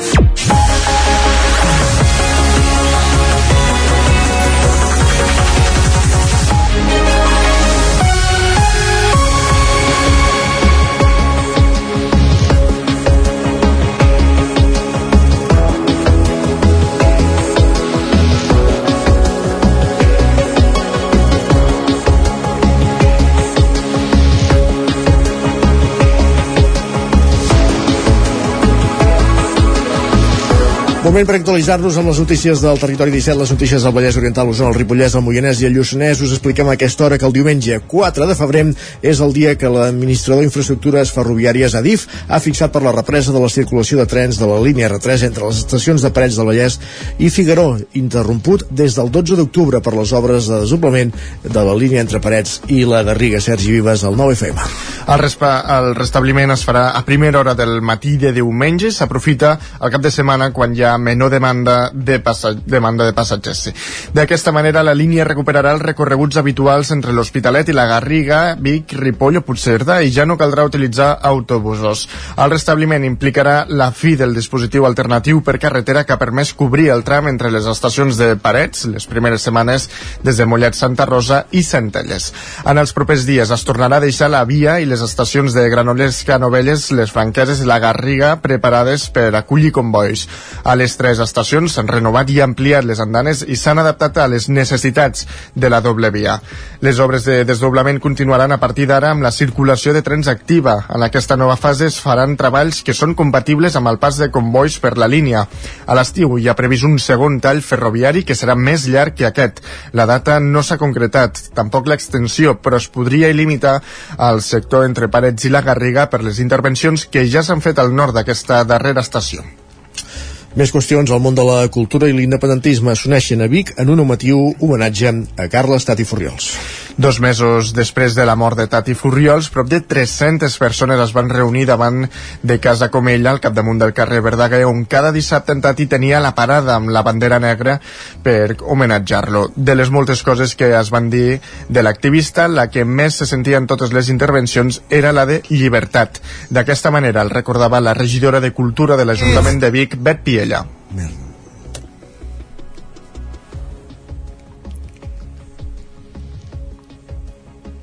No teníem cap dubte que hi hauria molta gent, malgrat el fred, i aleshores les actuacions han estat molt indicades tant pel que fa a la poesia com pel que fa als músics. Uh, la manera de ser que tenia en Tati doncs ha fet que hagi deixat petjada amb molta gent, amb moltes entitats i segur que el seu llegat perdurarà moltes persones que el coneixien van posar-se davant del micròfon per dedicar unes paraules en Tati, noms com Toni Strubell, net de Jordi Trueta, Jordi Passarrodona, Toni Comín, Jaume Sastre, Lluís Puig, Umal Caide, Aurora Madaula o Josep Cruanyes. També des de l'exili Carles Puigdemont va voler dedicar unes paraules recordant el Bigatà. Qui també va fer acte de presència era la presidenta de Junts, Laura Borras. Ha estat un homenatge mm, molt bonic, molt sincer, fet des de la força de la paraula i de la música i sobretot tenint molt present qui ha estat i per tant qui és, un llegat d'estima. I això vol dir que, que no morirà mai perquè viu en uh, la seva família, viu en tots nosaltres. Vic perd un fill il·lustre i Catalunya perd un soldat entre el públic, a banda de familiars i companys de la Trueta, hi havia Pilarín Vallès, Pep Musté, Roger Espanyol o l'exdiputat Josep Puig. La poesia i els textos eh, van donar pas a la música que van arribar al seu punt àlgid amb la interpretació de què té aquesta terra nostra a càrrec de Biel Majoral i Jaume Arnella. Músics per la República dirigits per Pere Sallarès van cloure l'acte amb l'estaca i el cant dels segadors entre proclames d'independència. Més qüestions, anem cap a Torelló perquè Pep Tines, tècnic de cultura i coordinador del Teatre Sirvianum, ha estat proclamat 46è rei Carnestoltes. Així és, no hi havia res fora del normal quan el tècnic de Cultura Peptines feia divendres la seva primera aparició a l'escenari del Teatre Sirvianum, ja que també és el responsable i programador de la sala i, a més es jubila d'aquí tres mesos. Ho feia en un acte ple de gent i en què s'hi simulaven les obres de reforma del pati de butaques, la temàtica de la presentació del 46è Carnaval de Terra Endins. Unes obres que s'havien d'aturar després d'una troballa arqueològica, la del llibre de les profecies del germà Mal Malquies que relaten la llegenda del Carnaval. L'alcalde Marcel Ortuño en feia esment en el seu discurs. Uh, des de l'Ajuntament el que hem iniciat és el concurs perquè es pugui redactar el projecte de la nova reforma del servei al pati de butaques i que malgrat hi hagi aquest panorama després de Carnaval encara no les tindrem col·locades.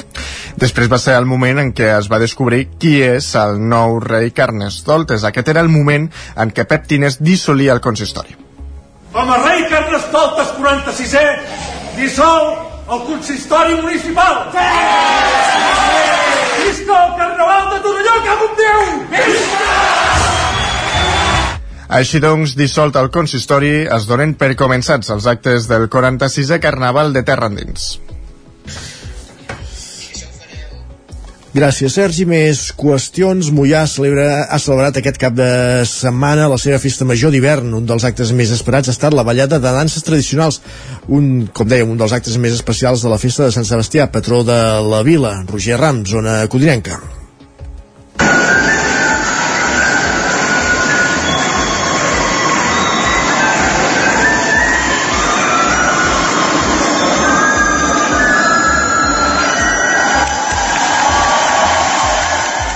Escoltàvem aquest ambient, aquest era el moment més emotiu d'aquesta festa a la capital del Moianès, al final de la ballada dels Garrofins. Habitualment, els infants d'entre 5 i 12 anys són els encarregats de ballar aquesta dansa ja documentada, atenció, al segle XVII.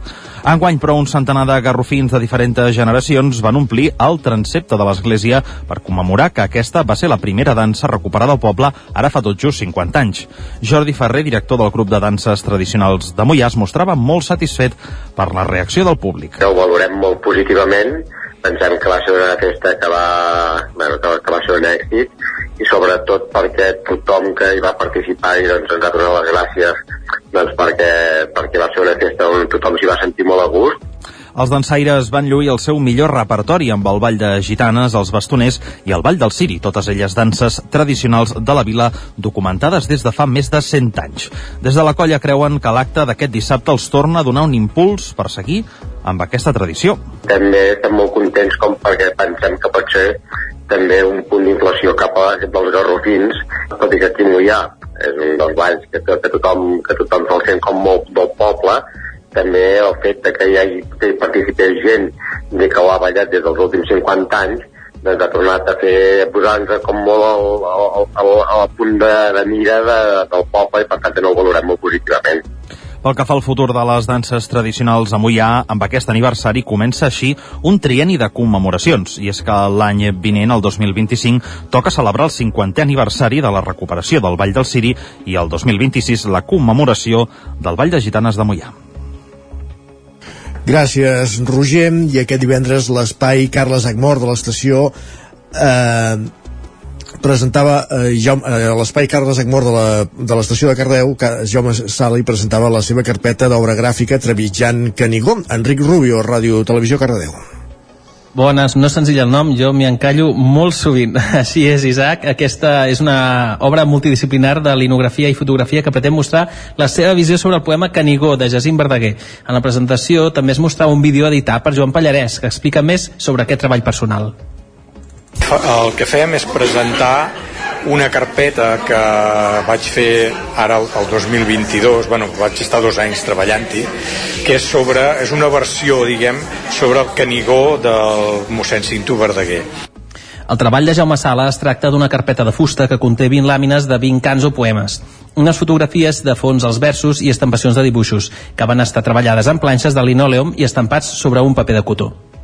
Havia estat escoltant el Lluís Soler, l'actor, eh, recitant Canigó precisament a Fogaroles de la Casa Museu Verdaguer que em va eh, marcar molt i bueno, va sortir de- d'aquí va sortir la idea de treballar sobre Canigó. Trepitjant Canigó, la qual es va inaugurar el 19 de maig de 2023, va estar exposada temporalment a la sala de plens de l'Ajuntament de Folgueroles, dins els actes de la Festa Verdaguer de l'any anterior.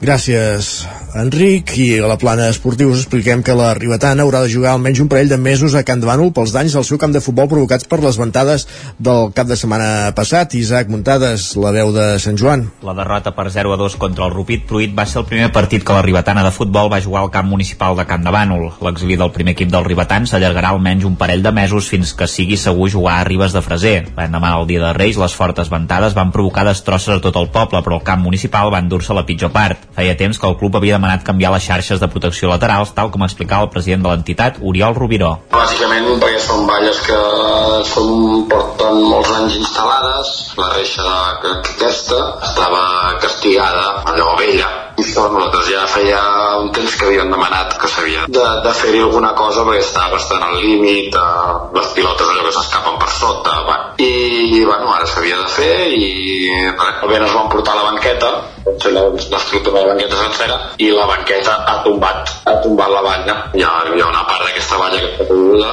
L'Ajuntament ja contemplava la renovació de les xarxes al mandat passat i, de fet, ja té els diners per arreglar-ho. La regidora d'Esports, Natàlia Cabós, de Junts per Ribes, explicava com ho pagaran. Sembla que el pressupost total en general eren uns 30.000 euros, dels quals la subvenció en posa uns 10.000, votació de Girona, i els altres els hem d'assumir l'Ajuntament, uns 20.000 més o menys ha d'assumir l'Ajuntament aquest any, el que, que ja el teníem previst, eh? però no així tan... Ja, ja, ja!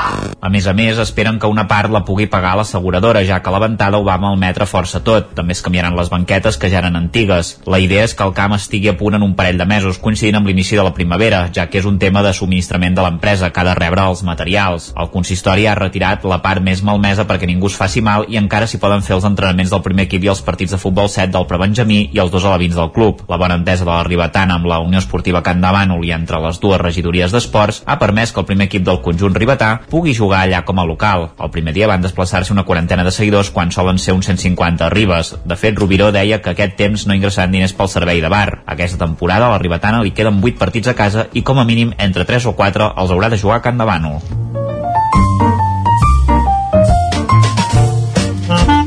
Casa Terradellos us ofereix el temps. El temps al territori 17 és cosa d'en Pep Acosta, l'anem a pescar una codinenca, Pep. Benvingut de nou, bon dia. Hola, molt bon dia.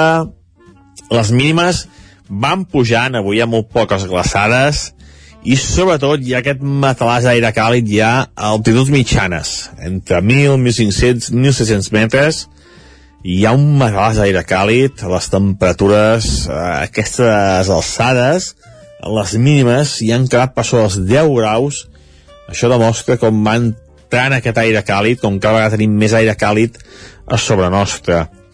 Uh, avui les màximes, uh, moltes ja per sobre els 15 graus, aniran pujant um, temperatures ja superiors a l'època de l'any i és que mica en mica aniran pujant cada vegada més. Molt de sol uh, només alguna boira a les zones uh, més enclotades més recerades però bueno, les boires no seran persistents, que l'anticicló no serà fred, sinó que serà, com dic, eh, càlid, aquestes boires les faran fruit de la, de la pròpia calor de l'anticicló. I poca cosa més, només algun núvol despistat, eh, sense cap més conseqüència, i això, eh, ambient eh, agradable, temperatures a l'alça, i cap, cap, cap novetat meteorològica durant tots aquests dies. Anirem parlant d'aquest anticicló. Moltes gràcies, fins demà, adeu. Gràcies a tu, Pep, parlem demà. Casa Tarradellas us ha ofert aquest espai. Territori 17. Envia'ns les teves notes de veu per WhatsApp al 646 079 023. 646 079 023. WhatsApp Territori 17.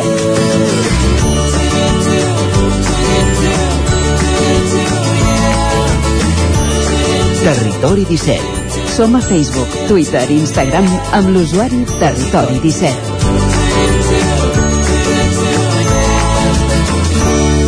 Quart d'onze del matí al territori 17.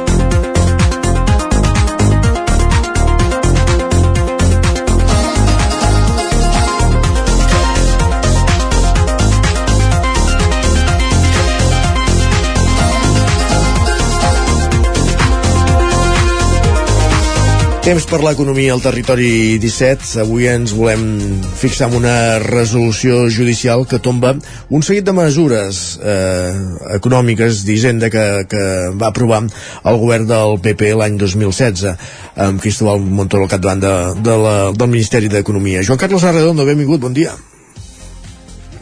Bon dia, deixa'm posar una mica de context a tot plegat. Va, som-hi, sí. Eh, mira, mm, sí, mm, l'estat espanyol no ha sigut mai un país eh, que hagi destacat per la, per la disciplina dels comptes públics. De fet, el 2022, que és l'últim any amb dades oficials, les del 2023 encara, encara estan pendents, el dèficit públic, és a dir, la diferència, en aquest cas negativa, entre els ingressos i les despeses arribava a ser un equivalent del 4,7% del PIB. Mm, És cert que amb motiu de la crisi sanitària la Unió Europea havia relaxat les exigències als estats membres i havia allargat durant uns temps l'obligatorietat mm, que sota règim de sancions eh, marca que el dèficit no superi el 3%. Eh? Estem del 3% al 4,7%, déu nhi la, la diferència. Mm, ara es camina cap a la recuperació d'aquesta exigència i aquesta, de fet, era vigent el 2016. Mm, Ara, ara explicarem una mica per què és important aquell any, ja, ja, ja ho has explicat tu una mica, no? Um, aquell any uh, es va tancar amb un dèficit del 4,5%, cal recordar eh, que sense pandèmia pel mig. Uh, I llavors el govern espanyol, aquell any, uh, amb el PP, uh, el nou govern i en Cristóbal Montoro de ministre d'Hisenda, havia aprovat unes mesures que afectaven l'impost de societats. El propòsit, gens amagat, perquè així s'explicitava públicament, era augmentar la recaptació. Doncs eh, de, des de 2016 fins ara han passat 7 anys i una mica més, eh, i el Tribunal Constitucional, amb una nova demostració de la rapidesa amb què actua, diguem-ne, la justícia a l'Estat, eh, el Tribunal Constitucional, dèiem, ha tombat aquelles mesures que a grans trets Sí, exacte. Hi ha, hi, ha, hi ha algunes vegades que són molt, molt més ràpids, però en aquest cas han passat 7 anys. Eh? Um, dèiem, a grans trets, mm, molt, molt sintèticament, eh, eh, aquelles mesures suposaven una limitació en les reduccions de l'impost de societats que fins a llavors estaven vigents. Ho fa perquè el govern va enganyar i, i un ministre que va arribar al poder anunciant en campanya que baixarien els impostos i posteriorment va fer tot el contrari eh, ho va fer tant amb, amb l'impost de societats i encara abans ho havia fet amb l'impost sobre la renda mm, no ho, ho, ho, mm, ho fa per no ho fa per això, no ho fa per aquest engany, diguem-ne, sinó perquè el procediment triat per aplicar l'increment de la recaptació va ser un decret i un decret, un decret llei, suposa una vulneració respecte a un dret, o en aquest cas una obligació fonamental, com és la de contribuir al sosteniment de les despeses públiques. En paraules menys elaborades, la reforma d'aquest impost va ser un bunyol. Eh? I va ser un bunyol des de diversos punts de vista. Primer, perquè el procediment ve a demostrar una manera de fer, governar per decret, que hauria de ser la fórmula menys utilitzada. És molt millor, diguem-ne, arribar a consensos amb els sectors afectats i amb la resta de, de formacions polítiques que, que hi ha representades. No? Va ser un bunyol també perquè suposava una continuïtat en una política, la de pujar impostos, oposada a la que el partit que governava eh, havia promès. I finalment un bunyol perquè els objectius que s'havia marcat el govern no es van complir. Montoro havia promès un increment de la recaptació en 4.650 milions d'euros. Els càlculs, els cal, ja ho diré, els càlculs posteriors han limitat aquest creixement a, un, a 1.000 milions, eh? de 4.650 que havia anunciat Montoro a només 1.000 milions. El mateix 2016, el mateix govern i el mateix ministre ja havien fet una altra modificació de l'impost de societats que obligava a fer pagaments fraccionats que avançaven l'ingrés per l'Estat sota el mateix argument, eh? el, el tribunal, o sigui, el, el, el, el Tribunal Constitucional també havia tombat aquesta altra mesura sota el mateix argument que una, modific una modificació fiscal no es pot fer per decret Um, ja aleshores, uh, en aquest mateix, en aquest mateix espai, s'apuntava i demano, demanem disculpes per l'autocita, eh? però el que dèiem era a les empreses els toca pagar la mala gestió d'un govern que ha arribat a tenir en negatiu la recaptació de l'impost de societats o sigui que ha hagut d'arribar a retornar més, donet, més diners dels que ingressava i encara una altra, ja, ja, ja que hem obert la veda de l'autocita, doncs encara una més, eh? Sí. Dèiem, els responsables econòmics del govern han decidit posar-se l'antifàs i sablejar les empreses amb l'objectiu d'incrementar la, la recaptació. De fet, tot, tot i que això són autocites, tampoc calia ser un gran expert per veure que els objectius i els mètodes eh, que s'estaven aplicant permetien endevinar que era, aquesta drecera que s'utilitzava era massa òbvia com per tenir la legalitat eh, al costat. Eh? Deixem les autocites. Uh, governar a partir de Bunyols... Té, sí, el, el, que sí, el que sí que sembla que està clar és que governar a partir de Bunyols té conseqüències.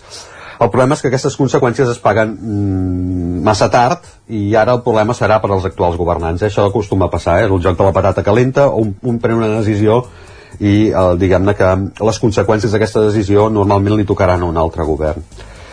Eh, si bé és cert que la resolució del Tribunal Constitucional limita les possibilitats de recuperar els diners recaptats inconstitucionalment, per cert, um, per, o sigui, el que diu la resolució del Tribunal Constitucional és que només podran reclamar les empreses que tinguin contenciosos oberts contra la mesura però és previsible que com que les empreses afectades eren les més grans n'hi hagi molts representats per tant ref, o sigui, el, el, el que és previsible és que la factura a pagar sigui bastant elevada.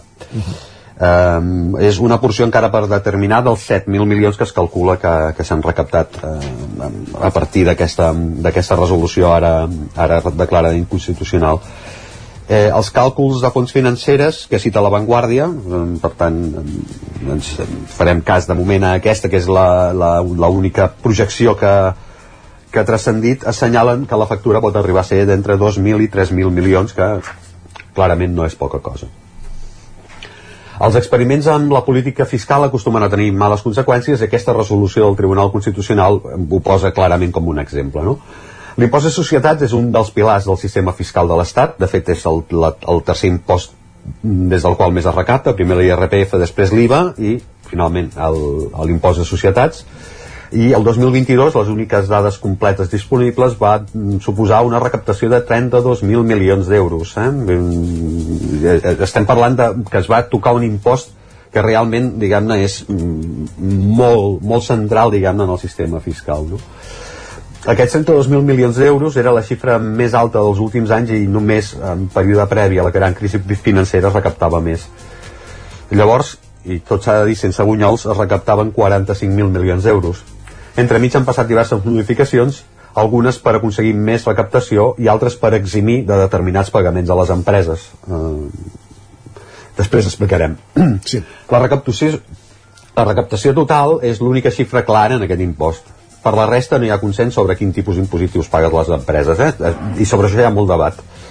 Ha quedat palès amb el temps que una màxima que aparenta ser certa, les, empreses, les grans empreses disposen d'eines que li permeten reduir la factura en principi, el que és l'impost de societats és un 25% dels beneficis, però posteriorment s'apliquen unes reduccions en funció de diverses coses. Eh? Per exemple, que hagin pogut tenir algun part d'aquests beneficis a l'estranger i allà ja hagin pagat, diguem-ne, part de, dels impostos, per tant, això s'hauria de deduir, perquè en cas contrari seria una doble tributació. Eh, per exemple, que hagi invertit en recerca, que hagi incorporat un tipus de personal determinat, per exemple, en personal amb, amb discapacitat, això també desgrava, etc. no? I així s'arriba a la circumstància que una petita empresa estigui pagant un tipus del 17% i que hi hagi un petit, molt reduït grup d'empreses que arribin a pagar només el 3%. Um, cal dir mm, que, que són les menys aquestes empreses que paguen el 3% per, perquè també està bé evitar demagògies amb aquestes qüestions. Uh -huh. Altres fons encara posen més dades sobre la taula i aquesta sí que no és font de demagògia. Les grans multinacionals espanyoles paguen de mitjana en impostos un 21%, eh, sumant el que paguen tant a l'Estat com, com en, en, en els països on tenen filials, i això és menys que el 29% que de mitjana paguen les grans multinacionals de la Unió Europea. I jo crec que aquest hauria de ser un punt de partida de la reflexió. Eh? Sí, no? Acaba quedant clar és que les dades són, són poc clares i quan tenen una mica de llum deixen entreveure que l'Estat, com dèiem, recapta menys que els seus socis europeus.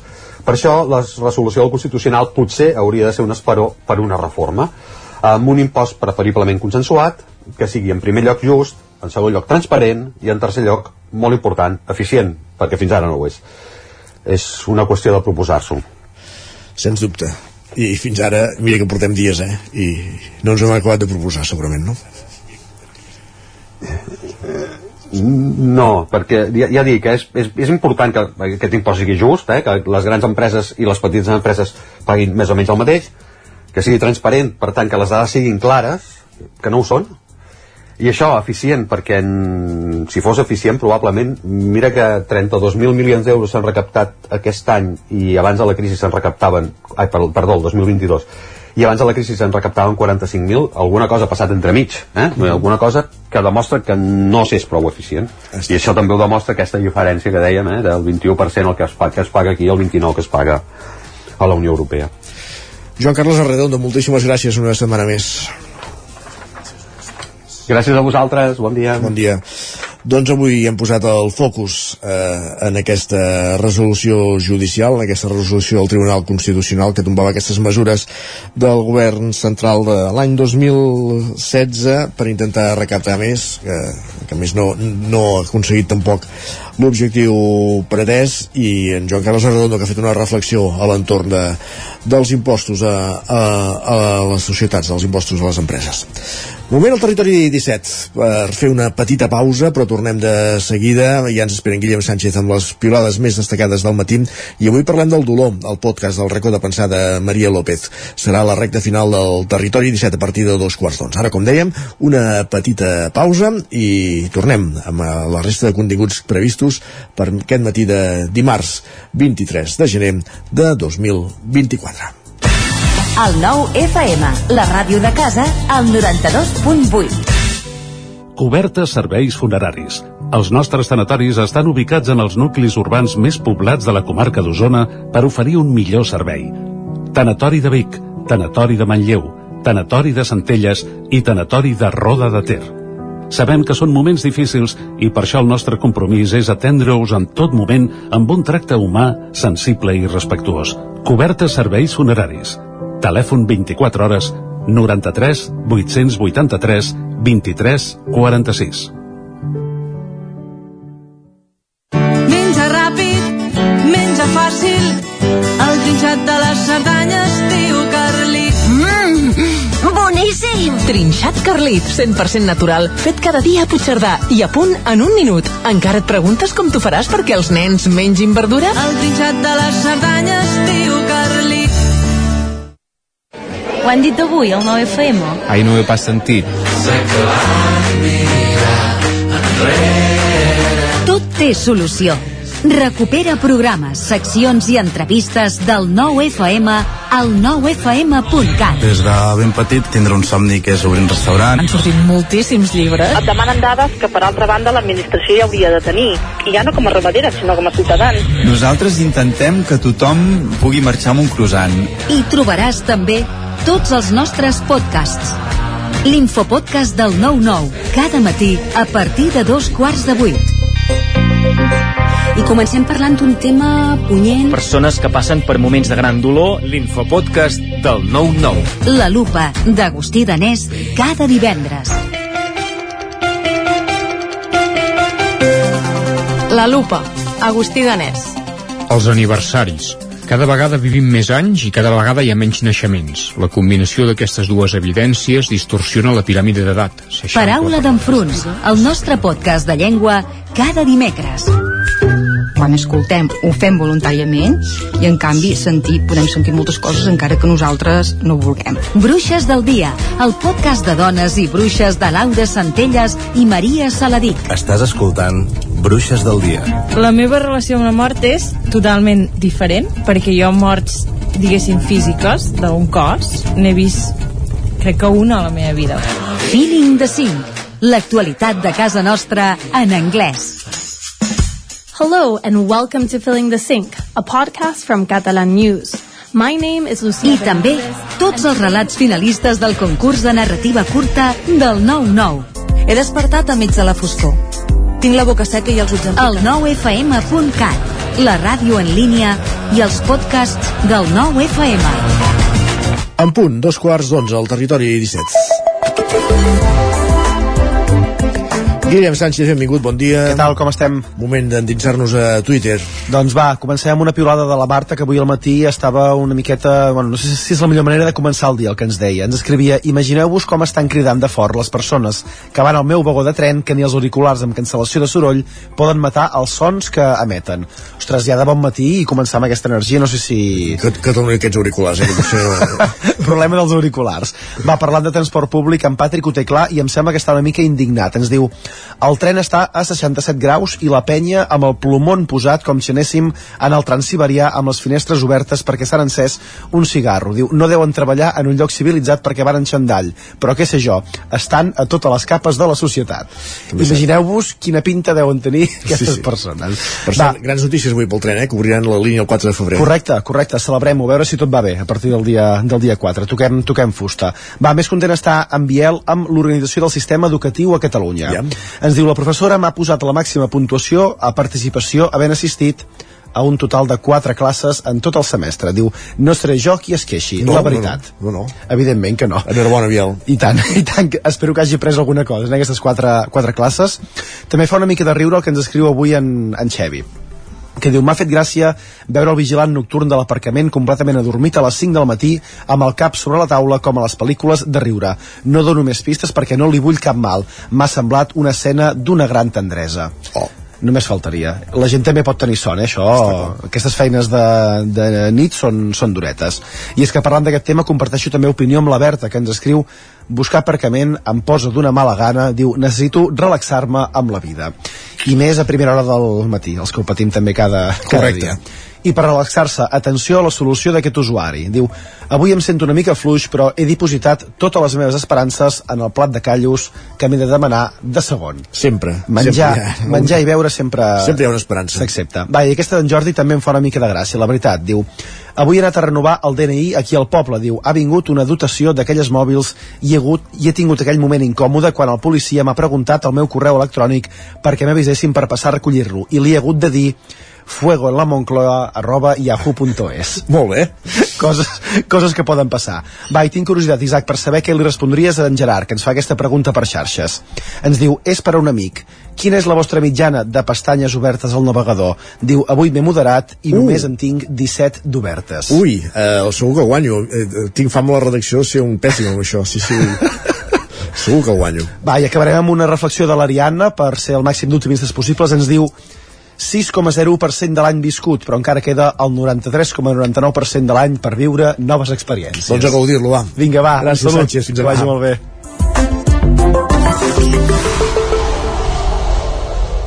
I, I després de les piolades, els dimarts al Territori 17, és temps pel podcast, el racó de pensar amb la Maria López des de Ràdio Televisió Cardedeu, el dolor avui.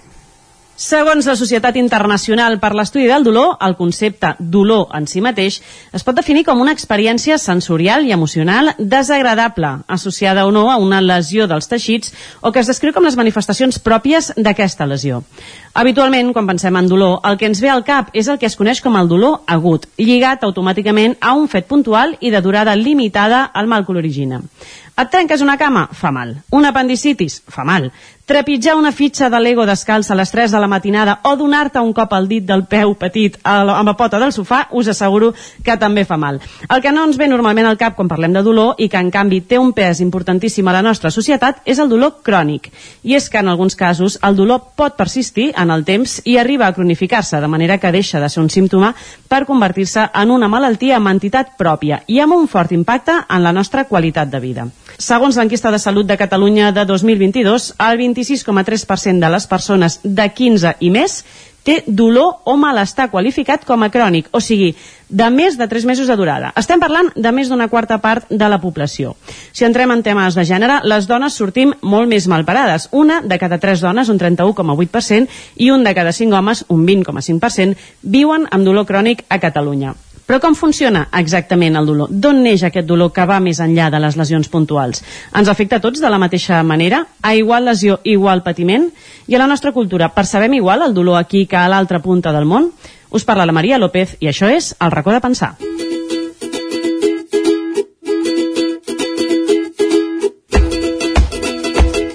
El racó de pensar, des de Ràdio Cardedeu.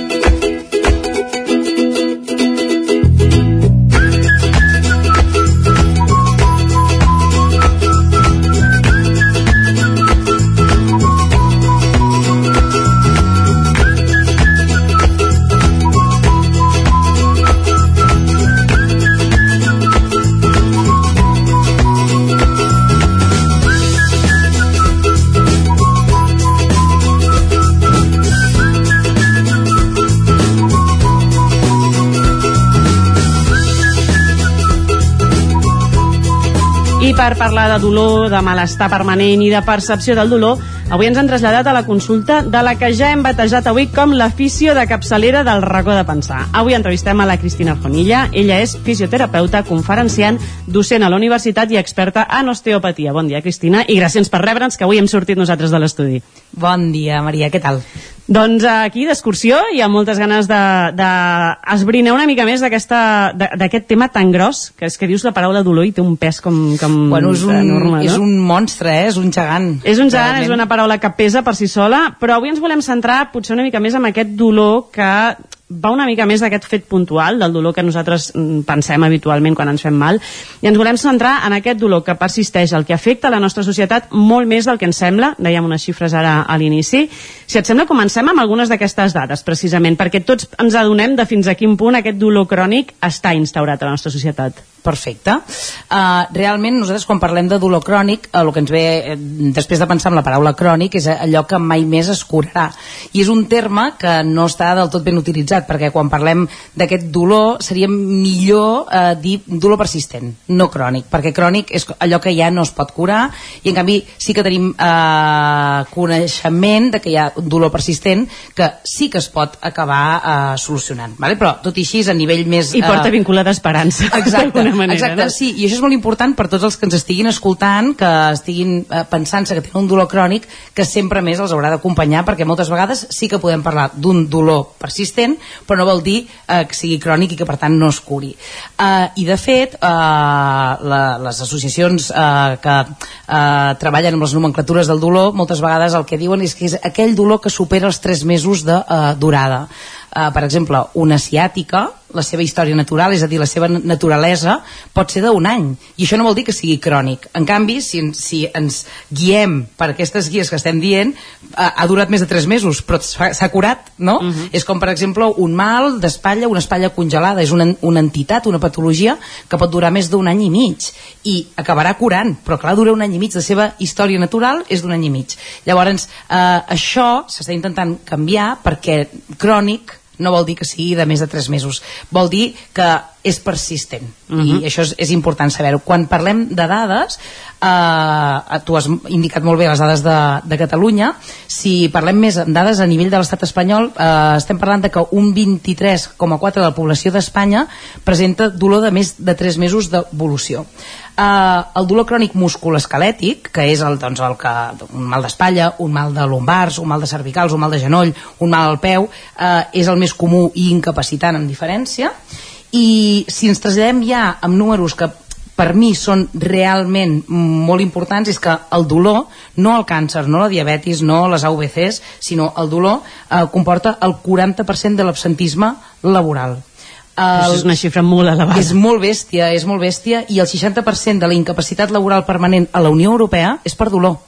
És a dir, no és per malalties cròniques reals, no? com podria ser una malaltia mental, com podria ser un, no sé, una malaltia neuromuscular degenerativa, sinó que és dolor.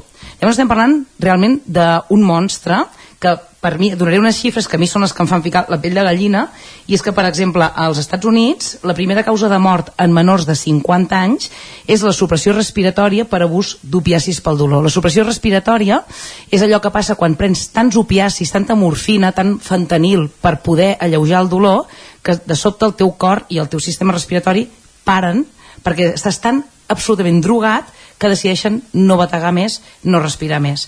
Uh, que la primera causa de mort als Estats Units sigui la gent que es droga massa per no tenir dolor i acabin morint d'això, a mi em sembla És- absolutament espantós. A més, als Estats Units, que partim, parlem d'un lloc on, on tu pots comprar d'alguna accés manera, no? lliure, o sigui, pots comprar lleixiu o pots comprar opiacis, no?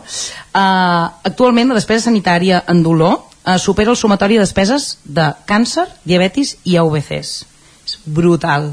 I ja la última és que les morts eh, per opioides prescrits, és a dir, aquells medicaments que ens dona el metge per alleujar el nostre dolor, són superiors a les sobredosis d'heroïna i cocaïna juntes. És a dir, hi ha més morts per opiacis prescrits per una patologia que tu tens que no pas eh, per drogues absolutament il·legals i absolutament agressives. Per tant, em sembla eh, horrorós. Són, són xifres, a més, poc conegudes. És com que ja ens hem acostumat a conviure amb el dolor d'alguna manera, no? Exacte, eh, perquè clar, és, és molt comú, no? Tots l'hem experimentat i tots coneixem gent que, que ha tingut dolor. El problema és que hi ha tota una, una part, més enllà d'aquest dolor que tu molt bé explicaves, no? del dolor agut, em trenco un braç, entenc que em fa mal, entre la llenya i em fa mal l'esquena, també ho entenc perfectament. O sigui, hi, ha un, hi ha una línia i com un submón de persones que pateixen moltíssim, de persones que tenen eh, discapacitats molt, molt importants, eh, on el dolor ja ha traspassat aquella molèstia que, que ens ha molestat doncs, un dia, una estona o un mes, sinó que ja són gent que aquest dolor forma part de la seva vida. Llavors, imagineu-vos un dolor eh, que reconegueu molt bé, aquell dia que tens aquell mal de cap terrible, aquell dia que tens un dolor de regla terrible, eh, aquell dia que et vas fer mal a l'espatlla, que vas estar una setmana que no podies ni cordar-te els sostens o treure't el jersei, no? Eh, però que va tenir una durada i que tu saps que te'n surts d'allò. Doncs imagineu-vos que hi ha persones que allò ho experimenten cada dia eh, 24-7. Uh, com estàs tu aquell dia que tens aquell mal de cap? Tens ganes d'anar amb les amigues a prendre una birra? No tens ganes de res. No tens ganes de res, d'absolutament res. Llavors, el dolor arriba a un punt que quan hi has de conviure tan a diari, eh, el, el, el menor dels teus problemes és el dolor ja. Perquè el problema és que llavors això et genera ansietat, et genera depressió, et genera aïllament social, et genera eh, que no, o sigui, un malestar laboral evidentment eh, normalíssim, et genera problemes amb la parella, et genera un aïllament de... no vas al gimnàs, no, no vas a, als sopars, eh, no estàs, estàs molt irascible amb els teus fills, no ets mai la millor mare o el millor pare ni el millor amic, no? Llavors, clar, tot això és el monstre amb el qual eh, s'acaba convertint eh, el dolor. Mm -hmm. No és només el dolor, sinó tot allò que eh, va acompanyat de tenir dolor persistent, que és una animalada. Si anem una mica al, al fons de la qüestió, on, on, d'on neix aquest dolor d'alguna manera o com el percebem nosaltres físicament parlant? El dolor és, és algo molt interessant, no? si parlem amb, amb qüestions de neurociència, eh, tots, tots eh, ens ha explotat al cap en algun moment al veure que aquell amic teu que té el mateix que tu tens, per exemple el genoll, no? dius, ai, jo tinc el manís trencat, ostres, a mi no em fa gens de mal, ostres, jo no puc ni caminar, no?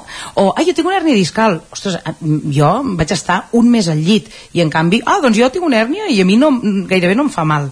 Llavors, a partir d'aquí és quan tu comences a sospitar de que potser no sempre hi ha una correlació directa entre el nivell de dany del teixit i el dolor que tu pots arribar a percebre Mhm. no? per exemple, eh, tots ens pensem que si jo em trenco molt un os no? o em faig una lesió muscular molt gran em trenco 3 centímetres ha de fer molt mal i en canvi si me'n trenco un no ha de fer tan mal però pensem en el dolor que fa un repalonet a la ungla petita de la mà horrible horrible Ah, és horrible una, un tall amb una fulla allò típic d'oficina Exacte. és mortal eh, És, allò és, dius, ostres, quin mal està, no? I, i- i et fa un mal terrible. I en canvi, de sobte, et mires la cama, tens un blau de 4x4, dius, ostres, Quan m'he fet això, no? Quan m'he fet això?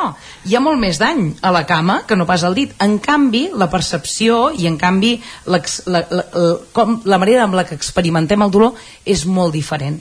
Llavors, a partir del moment que ja deixem de parlar de dolor agut, el dolor agut és aquell que té una finalitat eh, absolutament de supervivència i d'aprenentatge. El dolor, per mi el dolor és, és un sistema espectacular que té el cos humà de protegir-nos i que si funciona bé és brutal. És a dir, per exemple, un nen petit com aprèn a protegir-se dels agents nocius eh, que li poden fer mal i que poden posar inclús en, en, en joc la seva supervivència. Per què nosaltres eh, no ens assentem en un banc a la platja quan estem a 40 graus i anem amb el biquini? perquè dius, aquí em faré una cremada que serà històrica, no?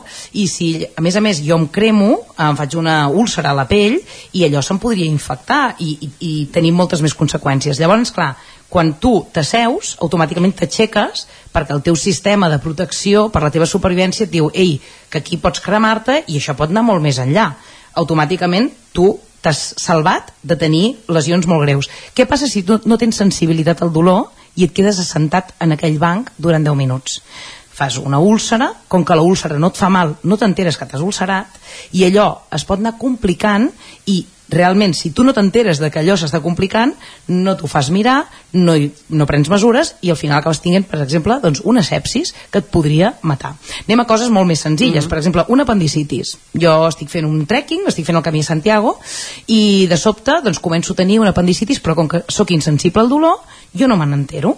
Doncs a la següent etapa potser estic fent una peritonitis, que vol dir que l'apèndix ha explotat i que per tant tot el material de dintre del budell està per al meu peritoneu, no dintre del meu abdomen. Això em pot fer una infecció gravíssima que em porti a la mort. I en canvi jo no me n'he enterat.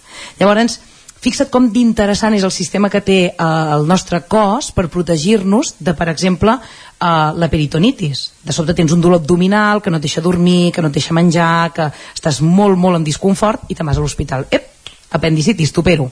Fixa't què passa quan tinc un infart. Tinc un dolor retrosternal, aquí al pit, una opressió molt forta, un mal que se me'n va cap al braç molt, molt intens, i jo he après que això pot ser un infart. Corro a l'hospital, em posen un estem i em salven la vida. No? Llavors el sistema de dolor és brutal. Imagina, una cosa encara més mundana, uh, un esguins. Tots ens hem fet un esguins, sí. no? Tu fas un esguins, aquell turmell s'infla, la informació que rep el cervell és aquell lligament s'ha trencat, necessito, si plau que estiguis un mes fent una mica de bondat i que no caminis i que no forcis aquest turmell.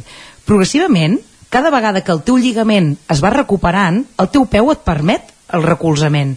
Però en una primera instància et diu, eh, ara no m'apoyis perquè estic en vies de recuperació. Quan aquell lligament estigui més bé, tu ja el podràs recolzar més bé. I el, el dolor et pauta. És, és super, super sa. Però què passa quan aquest sistema d'alarma tan efectiu i tan protector deixa de funcionar bé?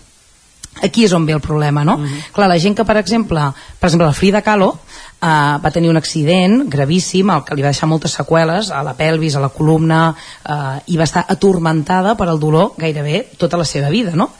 Um, si ara vaig amb la Frida Kahlo i li dic, ostres Frida, si el dolor és un sistema collonut, no? si funciona superbé uh, si pot en tirar una destral perquè dirà, doncs viu tu amb aquest dolor Exacte. tan meravellós perquè aquest dolor que tenia la Frida ja no li estava informant de que algú no anava bé el seu organisme, ja no l'estava protegint de res. Ja no és una alarma. Exacte. Ha perdut la seva funció d'alarma i ara hem de veure per què aquest dolor persisteix. no? I aquí és on entrem amb l'apartat del dolor persistent. Per què persisteix aquest dolor? Doncs pot persistir per molts motius. Per un cantó pot ser que realment els teixits, anem a pensar en una artrosi molt severa, no? amb una lesió molt inflamatòria, molt greu, que efectivament doncs, anirà donant senyals de dolor perquè allò està en un constant eh, estat d'alarma per protegir-nos. No? Això podria passar i que això duri anys, podria mm. passar.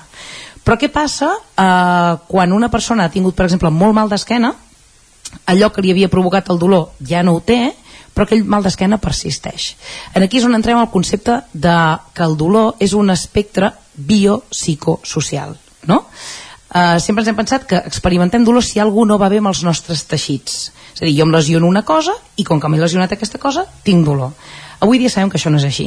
Sabem que hi entren moltes més coses molt complexes en joc i que, per tant, el dolor té a veure amb el teixit, i tant que té a veure amb el teixit, però a vegades també té a veure amb la part psico i amb la part social. Anem a desgranar què vol dir la part psico i la part social.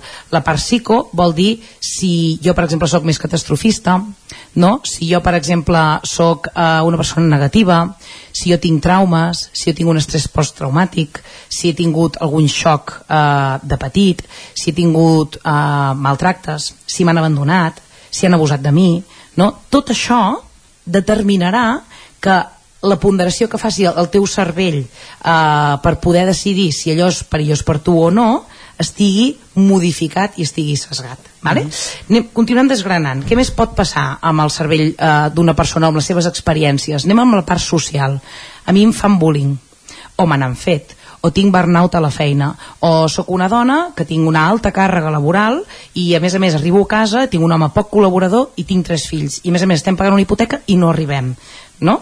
Uh, el veïnat, no és el mateix viure a Pedralbes o a Sarrià que viure a la mina no? no és el mateix tenir uns veïns perillosos que tenir uns veí, veïns bueno, que són com els teus pares doncs tot això fa que tu tinguis una realitat contextual que això, quan el teu cervell ha de ponderar quin, quina alarma donarà o quina eh, senyal de dolor donarà, vindrà tot això gestionat per totes aquestes coses. Anem a posar un exemple. No? Jo tinc, per exemple, una hernia discal uh mhm. -huh. i em fa molt de mal, evidentment, no? Uh, pot ser que aquella hèrnia un dia ja s'hagi reabsorbit i ja no estigui el teixit realment danyat.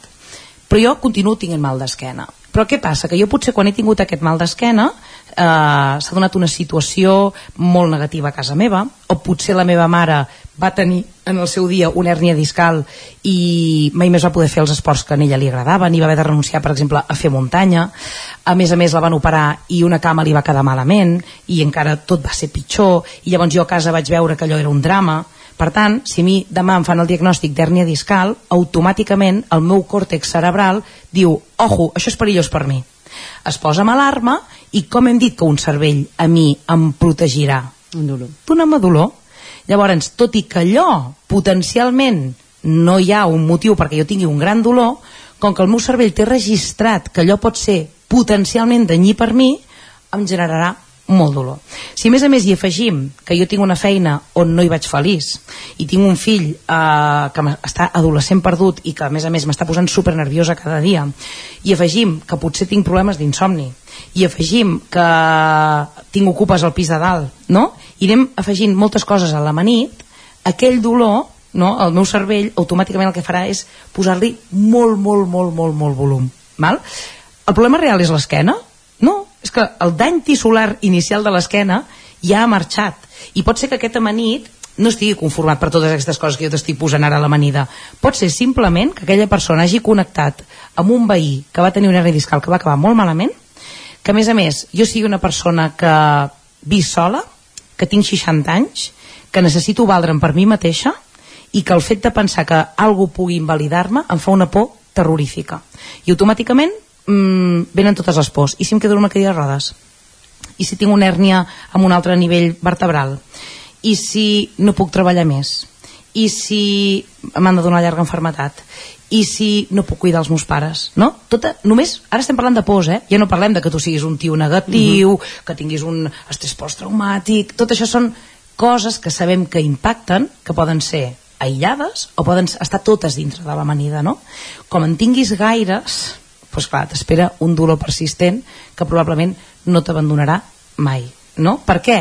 Perquè si jo tinc molt mal d'esquena i em fan ressonàncies i diuen, ei, la teva esquena està molt millor, jo què començaré a fer? A voltar més traumatòlegs, perquè jo tinc molt mal d'esquena i jo necessito una explicació per al meu mal d'esquena. I llavors automàticament el que faràs és, eh, doncs me'n vaig a un fisio, i aquest fisio et farà punció seca. Semblarà que va bé, però després resulta que no va tan bé. Te'n vas a un altre fisio que t'han dit que també és osteòpata i que et fa osteopatia visceral. I sembla que va bé, però llavors ja no va tan bé. Després te'n vas a un lloc que et fan una dieta, perquè t'han dit que tens eh, que fer una dieta antiinflamatòria, que tenia superbé i que tal i que qual. Fas la dieta i vas saltant, fas el que jo en dic un pelegrinatge terapèutic, no? Mm. que és, busques eh, solucions al teixit i potser el teu problema ja no està al teixit. Però d'alguna manera estem vinculant absolutament el dolor que es percep, o sigui, un dolor físic, eh, vinculat totalment al que és una, bueno, unes carències emocionals o, o un O bagatge traumes, o una o- o motxilla una manera de ser, totalment emocional i, i, i que, que no, no va lligada al físic i en canvi la percepció general a nivell social és que són dos vies totalment diferents una cosa és el dolor físic, vaig al metge una altra cosa és el dolor emocional que me'n vaig a un psicòleg Correcte, correcte. I d'aquí, que què passa? Que eh, el 60%, per, quan nosaltres fem enquestes dels índexs de satisfacció de les persones que estan tractades amb, amb les unitats del dolor, per exemple, el 60% es mostren molt insatisfets o insatisfets amb els resultats. Per què? Anem a desgranar-ho també, és que és superinteressant, a mi m'apassiona.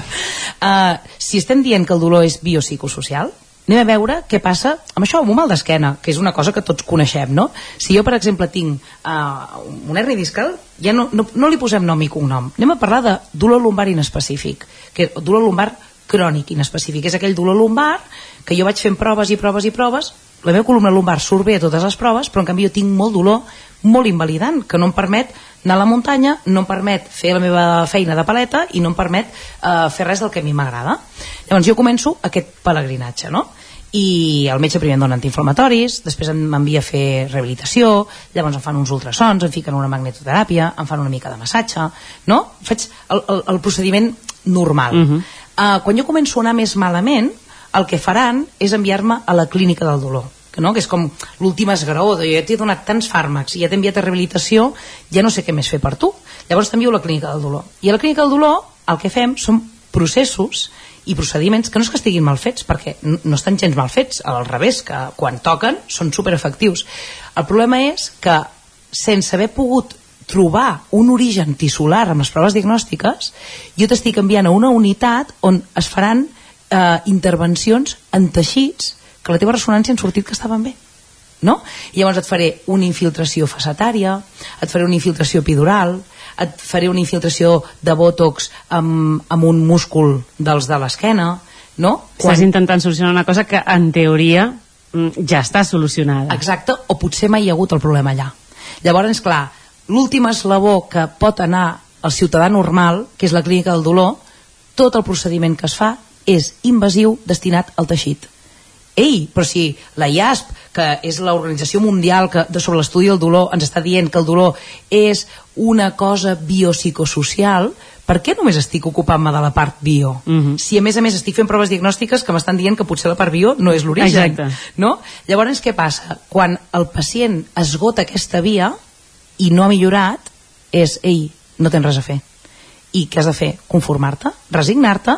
I llavors, Medicació i... i, i, i anar marxant i renunciant a una vida social sana uh, no? quan tu tens mal d'esquena no tens ganes d'anar a un sopar no tens ganes de pujar a una muntanya no tens ganes d'agafar el teu fill no vols anar a veure els teus fills jugar a futbol és que és absolutament demolidor llavors què passa? que en aquí uh, el, el, perdó um, el que passa és que la persona perd absolutament l'esperança llavors només li queda la, la resignació de viure amb això llavors la meva opinió i l'opinió de tots els professionals que ens de- dediquem a dolor complex i persistent és si el dolor és biopsicosocial perquè no fem unes unitats del dolor on realment tractem això, tot, no? Hi ha un problema bio?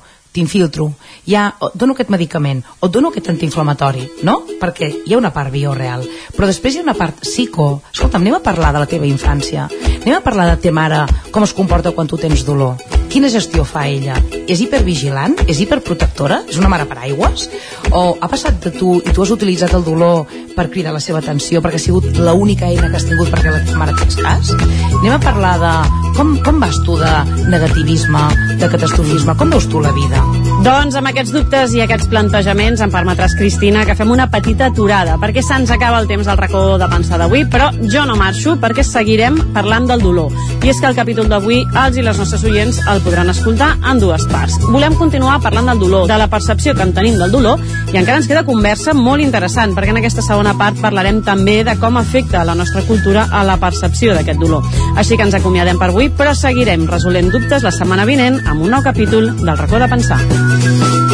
Perfectíssim, Maria, moltíssimes gràcies i fins la setmana que ve, segona part d'aquest capítol dedicat al dolor, al racó de pensar, el podcast que us oferim cada dimarts aquí al Territori 17. Un Territori 17 que arriba a la seva fi, us hem acompanyat des de les 9, Enric Rubio, Isaac Muntades, Roger Rams, Pepa Costa, Joan Carles Arredondo, Guillem Sánchez, Maria López, Sergi Vives Isaac Moreno. I tornem demà a partir de les 9, fins aleshores. Bon dimarts, gràcies per ser-hi, adeu-siau. Territori 17, un magazín del nou FM, Ona Codinenca, Ràdio Cardedeu, Ràdio Vic i La Veu de Sant Joan, amb el suport de la xarxa.